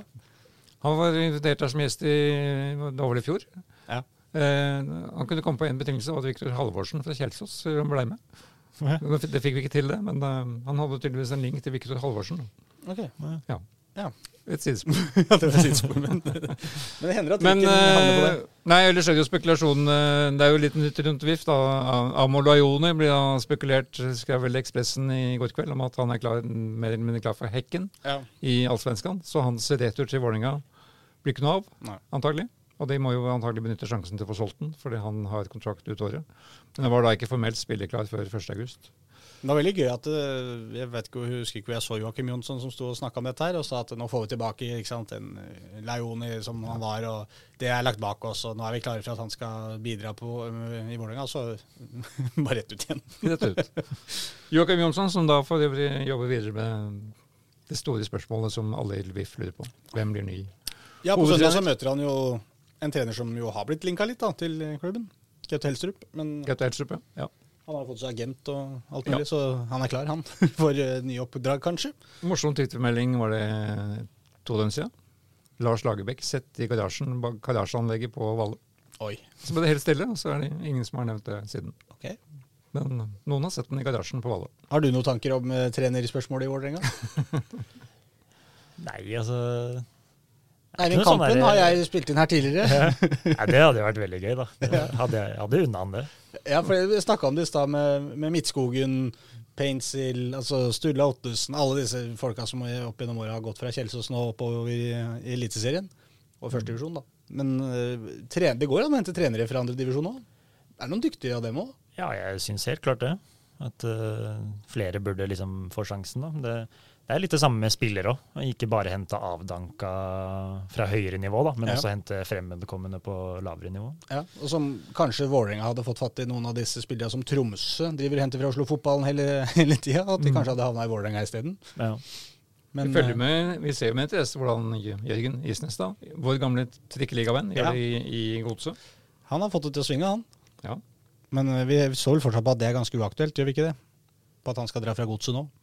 Jo, jo, men jeg bare tenkt på at, at Ja, sånn, ja. fra lavere divisjoner gjør- det bra i Eliteserien. Ja, så er det sånn vanskelig avveining å si er det, er det fordi at Isnes Altså Han fikk jo noen sesonger i førstedivisjon, da, og da har du vist på det nest øverste nivå. Da er veien opp litt kortere. Hadde, de, hadde Godset henta han som da han var trener i andredivisjon med KFM? Jeg tror det skulle vært litt vanskelig. Ja, ikke sant? for da er det jo ikke den samme treneren. Nei. Han har jo fått noe erfaring eh, med de sesongene i førstedivisjon også, da, men, men Eivind Kampen har i hvert fall masse erfaring fra andredivisjon. Jeg syns noe sånt hadde vært litt gøy, da, men eh, jeg Ja tviler vel veldig sterkt på det. Så har vi nevnt før at Thomas Holm har jo liksom- lansert seg sjøl fra Nordstrand. og Ja. Det blir jo nep- neppe noe av. Men vi har vel ikke noen nye navn? har vi det? Nevnte vel ikke jeg forrige gang ja, Jeg ringte jo til Pamodo Ka, Ja. som mange av VIF-supportere vil ha. Ja. Som nå er, er da assistenttrener i Charlotte FC i MLS, er det Ja. det heter? Eller MSL? Det, det Nei, klarer MLS. Major League Soccer. Major League Soccer. ja. Hva sa han, da? Jeg kommer. Vålerenga Vålerenga, han vil før eller siden vil han hjem til Vålerenga. Ja. Han snakker sju språk, har vært verden rundt. Og, og, um, men er da en, en svær klubb. altså De er sju mann i trenerapparatet.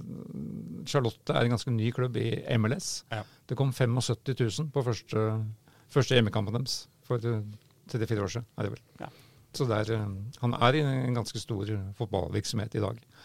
Men han elsker Vålerenga og vil en vakker dag tilbake. Ja. Også som hovedtrener. Da får vi vente og se. Men hadde ikke hørt noe, men hadde ikke hørt noe fra VIF. Nei, selvfølgelig. Hadde ikke hørt noe, nei. Hadde ikke hørt noe.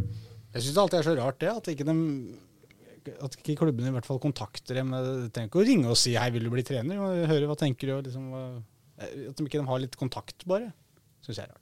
Men, Du må inn i hodet til Joakim Jonsson. for å skjønne ja da, Han har sikkert nok telefoner å ta an. Jeg snakka med han i forrige uke, som sa han, om det tar to uker, to måneder eller to år, så spiller det ingen rolle. Oi. VIF skal ha den beste. Ja, okay. Jeg tror ikke helt på siste To utsagn det to år. Men, Det er litt lenge. Ja. ja, men da, Vi får se. blir det Nordnes i to år. Da kan bli det, da. Kan bli Nordnes i to år. Ja. Det skal jeg sitte med. Ok, Obos-liga. Yes, Du var jo kommenterte Skeid Sogndal, så jeg, det var jeg. på TV 2. Det var elendig Ja. av Skeid, i hvert fall første omgangen.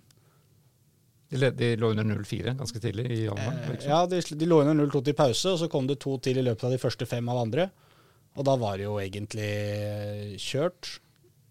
Trodde man i hvert fall. Så blåste Jonny Budesson litt liv i det med en genial pasning til, eh, til Ulrik Østegård Næss, som bare kunne spasere egentlig inn eh. Så du den uh, pasninga? Eller Ja. så du noe fra den kampen? Ja, det er drømmepall å få som spiss. Da var det liksom når du kom Hvis folk ikke har sett den, han, han Budesson står midt i banen og trer den på en måte ja, er liksom vanskelig å forklare, for det var liksom uryddig bak der hos Sogndal. Men Ulrik Øst- Østegårdnes kommer fra venstre, og så slår han inn bak eh, gjennom midtbanen og bak forsvarsrekka. Og når eh, Ness kommer løpende inn der, så er det på en måte så enkelt hva han skal gjøre. Det er bare å ta et touch. Han kommer liksom med momentum fra den ene sida til den andre, og keeper løper jo rett fram.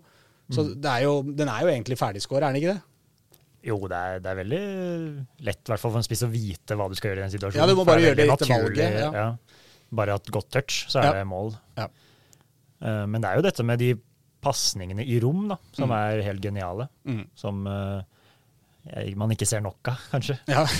At man ofte skal oppsøke fot da, istedenfor rom. Men det er ofte det er, Ja da, men det krever, det krever jo på en måte litt mer. Det er jo, du må ha en bevegelse, og det skal være en timing, og det skal være en pasning som også i tillegg er helt uh, perfekt tempo på. Da. Så det er jo en, men utrolig vakkert når det sitter, og effektivt. Og så satt Budusson selv inn eh, 2-4, men det hjalp ikke, for det ble ikke noe mer goaler fra Skeid. Men Så er vel inntrykket det fortsatt, fortsatt det samme, at det, det er for mye på tvers og bakover. Og før de helt tatt kom i gang med, med noe som helst. Ja. Og er da fortsatt, ja, som kampen bekrefta, det laget som slipper inn klart flest mål i Obos-ligaen. ja, de bikka vel 30 nå. 32 er de kanskje oppe eller noe i den. Var de ikke på 28 baklengs før den, og så fire til, da? Ja. Jeg tror det er noe sånt. Og, og det, ja, det med å spille seg ut bakfra, da, som Skeid prøver på gang etter gang i starten av denne kampen, og ender opp med å miste ballen på 25-30 meter hele tida. Og Av og til kommer de seg opp til midtbanen, men liksom ikke, de kommer seg aldri ordentlig i angrep. og det kommer bare, og da Bølge på bølge på bølge av Sogndal. og Du ser etter hvert på Sogndal-spillerne at det, de begynner å prøve på litt artige ting. Det er hælspark og brassespark og liksom alt mulig rart de kan prøve på. For det er ikke så farlig om ikke det funker. For de veit at det kommer en ny sjanse om ett og et halvt minutt, så er vi tilbake i samme område, og da prøver vi på ny. Og det, da skjønner du at dette kommer jo ikke til å gå. og Jeg veit ikke, Skeid Vi snakka litt om det da, i stad, Reidar. De spiller med tre stoppere bak der. Sliter med liksom eh, teknikken, pasningsevnen til de stopperne som er bak der. Det blir litt dårlige touch, lange touch, følgefeil og miste ballen, eller må bare til slutt spille seg i et hjørne og må slå den ut i innkast. Så gjør de jo litt om etter hvert. da. De setter på Budusson da i andre omgangen. De legger om til en firer bak. Får, eh, får litt mer Litt flere involveringer med spillere som har bedre ferdighet med ball, da, som Bendik Riise og Torje Naustdal og, og gutta på midten der.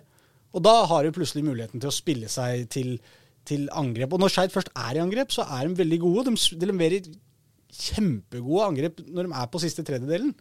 Men de kommer seg ikke dit Nei. ofte nok.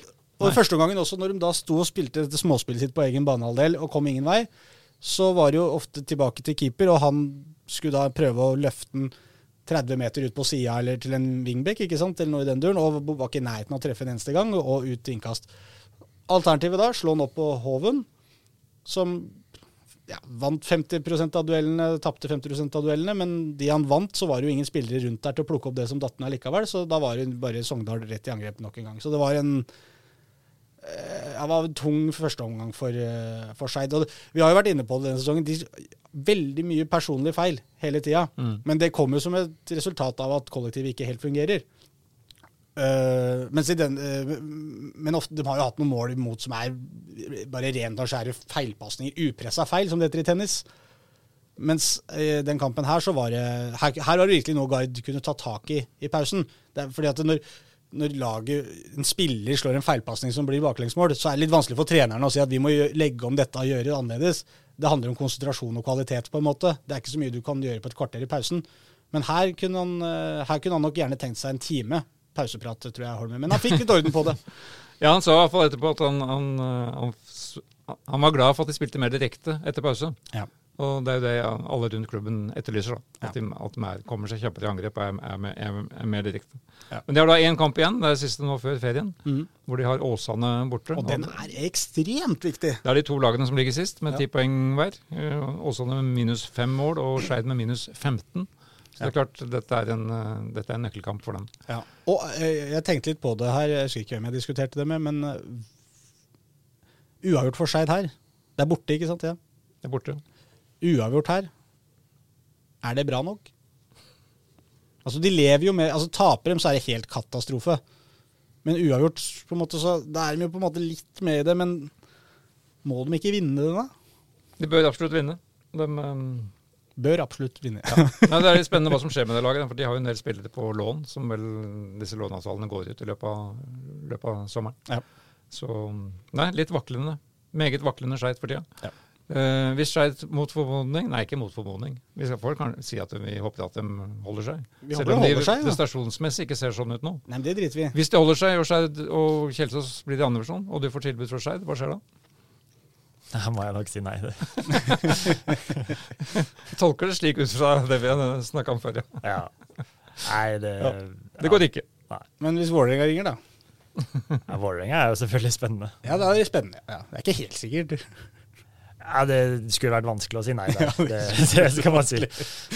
Men har du, hvor, har du sett noe særlig av Skeid denne sesongen, eller? Jeg har sett noen kamper. Ja, Hva er din dom? Nei, altså det, er jo det, det er jo det at de slipper inn altfor mye mål. da. Jeg, jeg syns jo de Altså, det har alltid vært et lag som har vært veldig god på å score mål, syns Mm. jeg. Jeg syns de scorer greit mye. Men eh, ja, hvis du skal liksom, hvis du skal tape 3-2 og sånne ting hele tida, så hjelper det jo ikke uansett hvor mye du scorer. og 4-2 og Så er det Nei, det ser jo ikke lyst ut. Men Er du overraska over hva du tenkte om Skeid før sesongen? Altså hvis du, Når du bare så på laget, på en måte, trodde du at de kom til å være he helt der nede? Vi spilte jo mot dem i vinter, og de, jeg syns ikke de så overraskende bra ut det der. Så jeg trodde de skulle havne helt Altså kjempe i bånn, For slite, ja. ja. men um, hvis det Ja. Ja, det tror jeg Det er der de skal være. Det er der de skal være. Det er der de skal være. Hilsen Kjelsås. det er der de skal være. Jerv Koffa, eh, 4-3-tap i Grimstad. Ja. Etter en kamp som, hvor de leda 3-1 20 minutter før slutt, tror jeg. Og hadde tilsynelatende full kontroll. Kunne økt den ledelsen. Eh, og så slipper de inn altså to mål eh, 3-1. Ja, som blir dette? Ja. Jeg gikk jo på engelsklinja, så jeg klarer ikke å regne. Men eh, de tapte iallfall 4-3. Den siste skåringa på straffespark i 89. minutt. Ja. Og Johannes Mosgaard var relativt irritert både på straffesparket, som han mente var De leda 2-0 og 3-1. Ja. Og tvilsom dommeravgjørelse, straffer som KFM også kunne fått i tilsvarende situasjoner, eh, etc., etc. Jeg, jeg så bare måla fra denne kampen her, og Ja. eh, intervjuet med Mosgaard etterpå Ja. på TV-en. Og han, der kokte det ganske greit, så jeg. Han, Ja. var, han var sinna for et eller annet, det hadde ikke jeg fått se hva var, men han var helt åpenbar, klar på at eh, det var noen dommersituasjoner og noe, noe straffer ja, som Ja. kunne blitt gitt. Ja. Burde, burde blitt gitt, kunne blitt gitt begge veier. Og de hadde um, en hovedproblem med at de hadde full kontroll på denne matchen, og så, og så faller de litt sammen da, siste, siste ti minuttene. Ja. Kunne satt klubbrekord med sjette seier på rad i Obos-ligaen, Ja. Men det glapp. Ja. Så da ligger de øh, Ja, hvor ligger de nå? De ligger altså, de er på kvalik. De ligger vel der de skal ligge, gjør de ikke det, Jens? Jo, de, de ligger der de alltid pleier å ligge. Sånn litt nederst, nedre halvdel på kvaliken. Eh, åtte poeng opp til Kongsvinger. Men det er jo en helt åpen Obos-liga. Det er jo helt bingo. Det er jo ny serieleder nesten hver, etter hver helg. Ja, Ja, eller nå, ja, nå, akkurat serielederen har jo Nå er det Kongsvinger som leder. eh, tak der, da, men Det er Kongsvinger Fredrikstad, forresten. De møtes eh, kommende helg. Oi. Og Hødd møter eh, Koffa møter Hødd. Koffa møter Hødd borte? Ja. Ja. Da sier vi, hva sier vi da? Når vi skal spille borte mot Hødd? Da sier alle det samme som når de skal til Grefsen stadion. Det blir tøft. Det er alltid tøft i Ulsteinvik. det er lang reise. aff. Det blir vanskelig, det der. Ja. Men de har Men det- hengt på denne kvaliken, et- som vi nevnte forrige gang, at eh, skal Koffa noen gang rykke opp fra Obos-ligaen, så jeg tror jeg kanskje året er i år. Ja, jeg hadde jo ikke noe tro på det før det starta, men det er klart, eh, da, da man, snakker man vel like mye om på en måte motstanderne denne sesongen. Ja, Det er vel ikke snakk om Koffa, egentlig Koffa-laget før sesongen. Tenkte vi vel ikke at dette er det beste Koffa-laget vi har sett. Nei. Men det er klart, det går jo litt på hvem du møter òg, ja. Ja. Det er noen som ser for seg Vålerenga og Rosenborg eh, i Obos-ligaen neste år. Så da, da kan det bli litt verre. ja det var, øh, og, Og kanskje Kjelsås. Ja, det hadde jeg hørt. Det var gøy. Ja, men snakka om det. Det blir tidenes, øh, var det ikke det? tidenes uh, førstedivisjon øh, neste sesong, med Rosenborg og Vålerenga ned. og Fredrikstad holder seg første, og Lyn rykker opp. Ja. Så er det Da blir det Eller Kjelsås, da. Yes, uh, vi eh, vi, må, vi må banke videre, for Ja. vi må rekke noe her. Uh, Andrevisjon. Uh, da har vi jo nevnt Kjelsås. Dere hadde jo da en uh, Tapte jo for Egersund. Uh, årets første. Og så er det vel Vard dere har nå? Ja, Borte? er borte. det? Vard, som for øvrig slo da Vålerenga 2 i går kveld, altså tirsdag kveld. 2-0 på In Intility. Og siden vi har cupsending, Vard i cupen Når var det igjen? Slo Gli- Nei, tapte mot Glimt. 1975. 75. Cupfinalen. Ja. Arne Hansen. Arne. Skåret for Glimt. Dette husker vi, som om det var i går. Eh, Vard, ja, det um, Da finta du meg ut gjennom dette cupsnakket. Ja, Lyn øh, kanskje, da. Ja, Lyn fikk jo utsatt sin kamp mot Brattvåg Ja. flytrøbbel. Ja. Så de er jo da Ja, kjedelig for dem, for de er liksom inne i en flytsone, da, mener de. Alle oppfatter vel at de er inne i en god periode. Ja, og det, Apropos det som vi snakka med Kjelsås i stad her òg, så var vel det litt uh, meldinga fra Lyn egentlig i så måte. At det er klart at Kjelsås vil spille den kampen i september, for de vil ikke møte oss nå. Ja. Var vel litt på en måte Ja, det det, underliggende ja. der fra, fra, fra Lyn. Og Lyn ville vel De, har jo, de har, skal jo møte Brattvåg 15.10, er det vel Ja. den har blitt satt der. Og det er den ene frihelga de har på høsten der. Og så er, øh, vil de ikke bruke da den andre på å møte dere, dere igjen. Men er du redd for å møte Lyn hvis de kommer allerede nå? Nei, altså, hvis eh, halve laget vårt er borte, så er det jo selvfølgelig, selvfølgelig tøft. Eh, men hvis vi, hadde, hvis vi hadde hatt fullt lag, så hadde jeg ikke vært bekymra over å møte dem nå. Så Lyn har da Notodden kommende helg. Notodden er litt sånn skummelt lag. Ja. Eh, de spilte nå 0-0 mot Grorud i, i helga. Men eh, ligger, Høres jo ikke på, kjempeskummelt ut, men ligger jo ett poeng foran dere på, på tabellen. Etter å ha blitt fratatt tre poeng, forresten, av økonomiske årsaker. Så Ja. sportslig ligger det da en- en- Bluesfestivalen gikk ikke like bra som den pleide. Hva sa de? Bluesfestivalen gikk ikke i overskudd i år, eller? Sannsynligvis ikke. Uh, Grorud må vi nevne. Ja. Eh, 0-0 sin der også da, mot Notodden. Sjette kamp på rad uten seier. Det er ikke bra. Mens de skal, de skal møte Vålerenga 2 nå på man mandag. Eh, morsom kamp. Da skal de ifølge intervjuet med Dagsavisen så skal jo da de ha et møte på lørdag hvor de skal bestemme seg for endelig trenerløsning. Om Andreas Alrek skal fortsette. Og han var i hvert fall klar selv på at han ville fortsette. så. Han er veldig klar på at han er riktig mann for jobben, og det kan godt hende han er. Han er tung rutine i, i Grorud, og, og de har nok Men det er vel det som har vært, svaret, vært tendensen i hele år. De har spilt bedre enn Altså, de har fått dårlig betalt, da. Ja. De har spilt og skapt, men de skårer jo usedvanlig lite mål. Og er det dårligste hjemmelaget i, i, deres, i avdelingen deres. To mål på hjemmebane hele sesongen. Det, det holder jo ikke. Nei, det, det holder ikke. Det var, jo, det var jo litt som du sa også da dere møtte Grorud. At de var jo brukbare i den kampen. altså Dere hadde nok å jobbe med der. Men de skårer jo ikke, og dere, dere gjør det. Det er jo forskjellen Ja, på de lagene, nesten. Ja, det er jo Vil jo si at det er et godt spillende lag, Ja. og setter opp fine angrep. Men eh, ja, når du ikke setter ballen i mål, så er det jo bare å glemme poeng. Det er vel, det er vel så enkelt. Da. Det er så enkelt. Ja, et, du kan få ett, da. 0-0 mot Notodden, var det ikke det du sa?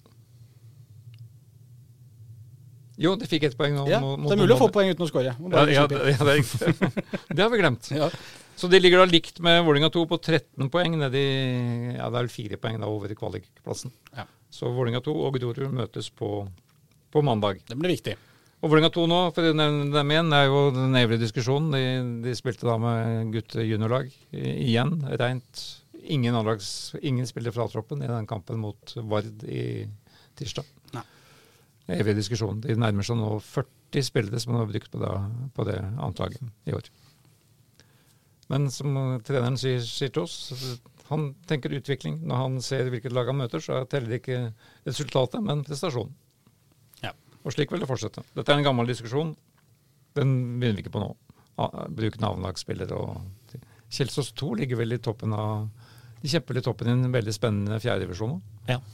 Der, eh, Den vi komme, må vi komme tilbake til seinere. Der blir det en thriller i høst. Ja. Med Heming og hva den heter Gamle Oslo og Ja, den gjengen der. den gjengen. Ja, det skal vi komme tilbake til. Holmlia og Kjelsås annet. Herlig. Herlig. uh, nei, Andreavdelingen, så der er det jo sommerferie. Ditt gamle Ullern ligger, eh, hadde da ikke kamp i helga, så de ligger fortsatt sist, uten seier. Trist å se, eller? Ja, jeg syns det er veldig trist. Ja. Jeg, er, eh, jeg er veldig glad i Ullern, Ja. så det er trist å se. Og der er, ja, de ligger fryktelig dårlig an. Men som sagt, der er det, der er det ferie. Ja. De er det delvis også i tredjedivisjon, i vår, den nordnorske avdelingen med Oslo-lag. Men Frigg spilte og tapte for Os hjemme. Og dermed er de mer eller mindre hekta av i den, ja. det vi trodde skulle bli en opprykkskamp for Frigg. Ja. Frigg er jo også et litt sånn merkenavn i Oslo-fotballen. Har du noe forhold til dem? Nei, altså Eller nei, ikke noe for sånn forhold. Men Nei. jeg syns jo Det er jo litt det samme som eh, Grorud, da. Spiller altså, kanskje ikke nå, i, men i fjor i hvert fall. Ja. Ja. At de spiller veldig fin fotball, og, men skårer ikke mål, da. Nei. I år, gjør, i år skårer med mål. Da. Det er Ja. faktisk mestskårende, nest mestskårende ja, i de tre øverste divisjonene. Ja. Men, eh, Men det var jo sånn de var for to sesonger siden òg, ja, i, i tredje divisjon. Så bøtta de inn mål og rykka opp, og så kom de opp, og så spilte de akkurat uh, like godt og var like overlegne i alle kampene, men plutselig skåra de ikke et eneste mål. så var de ti poeng opp til serielederen. Så spissen er viktig, Jens. Spissen er jævlig viktig. Spissen er viktig. Og så skal vi kjapt nevne damene. Ok, Fordi um, de har jo nå tatt tidenes lengste pause pga. VM-sluttspillet. Ja. Så Vålerenga gikk jo på sitt første tap rett før avreise nå mo- mot LSK Kvinner i LSK-hallen. Tapte 0-2, årets første nederlag. Mens Lyn, da, som vi har snakka, vært veldig skuffa over her tidligere i, i vår Ja. og sommer, klinte det til med 6-0 over Avaldsnes. Nei, nei, nei. Pent. deres største seier i toppserien noensinne. Ja. Det morsomme der var at uh, de vant 6-0 uten at Anna Åhjem, som er toppskårer Ja. i toppserien, skårte et eneste mål. Men hun la opp til noen. Ja. Så hun er toppskårer med 11 mål i toppserien. Jenny Røsholm Olsen ble da den store spilleren her med, med tre mål for, eh, med hat trick for Lyn. Og kommer til å spille hjemmekampene sine på Kringsjå Ja. da, når, fra september, er det vel. Ja. Hyggelig for dem. At de, kan, at de kan vende tilbake. Ja. Og så må vi nevne da ny, ny spiller inn til uh, Vålinga damer, som da mister både Stine Ballisager Pedersen og Adeline Tomter. Altså to av midtstopperne forsvinner. Da har de henta Selma Pettersen fra Kjelsås, faktisk. Uh, som nå spiller i Stabekk. Ja. Inn som ny, ny midtstopper. Men hun, hun, spilte sin første fotball i Kjelsås, og så gikk hun til Lyn, og så gikk hun til Kolbotn, og så Stabekk. Nå er hun henta til, um, til Vålerenga og kaller seg en ekte VIF-supporter. Ja. Så hun er avbildet på uh, Hun har sendt bilder til oss med avbildet sitter som treåring med VIF-trøye og spiser frokost. Ok. Sånn skal det være. sånn skal det være.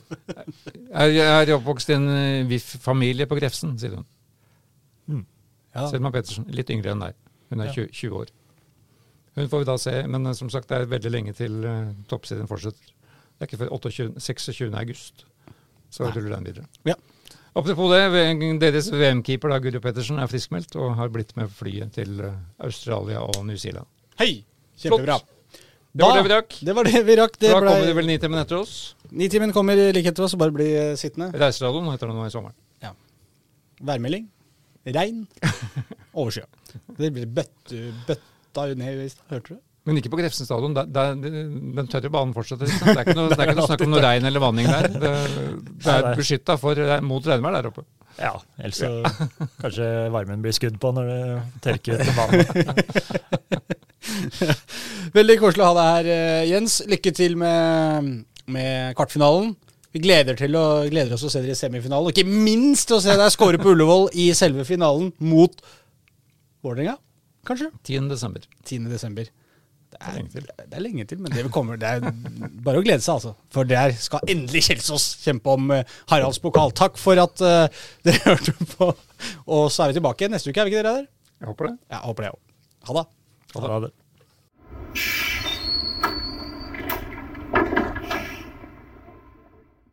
Du har hørt en podkast fra Dagsavisen. Ansvarlig redaktør heter Andreas Heen Haaland Karlsen.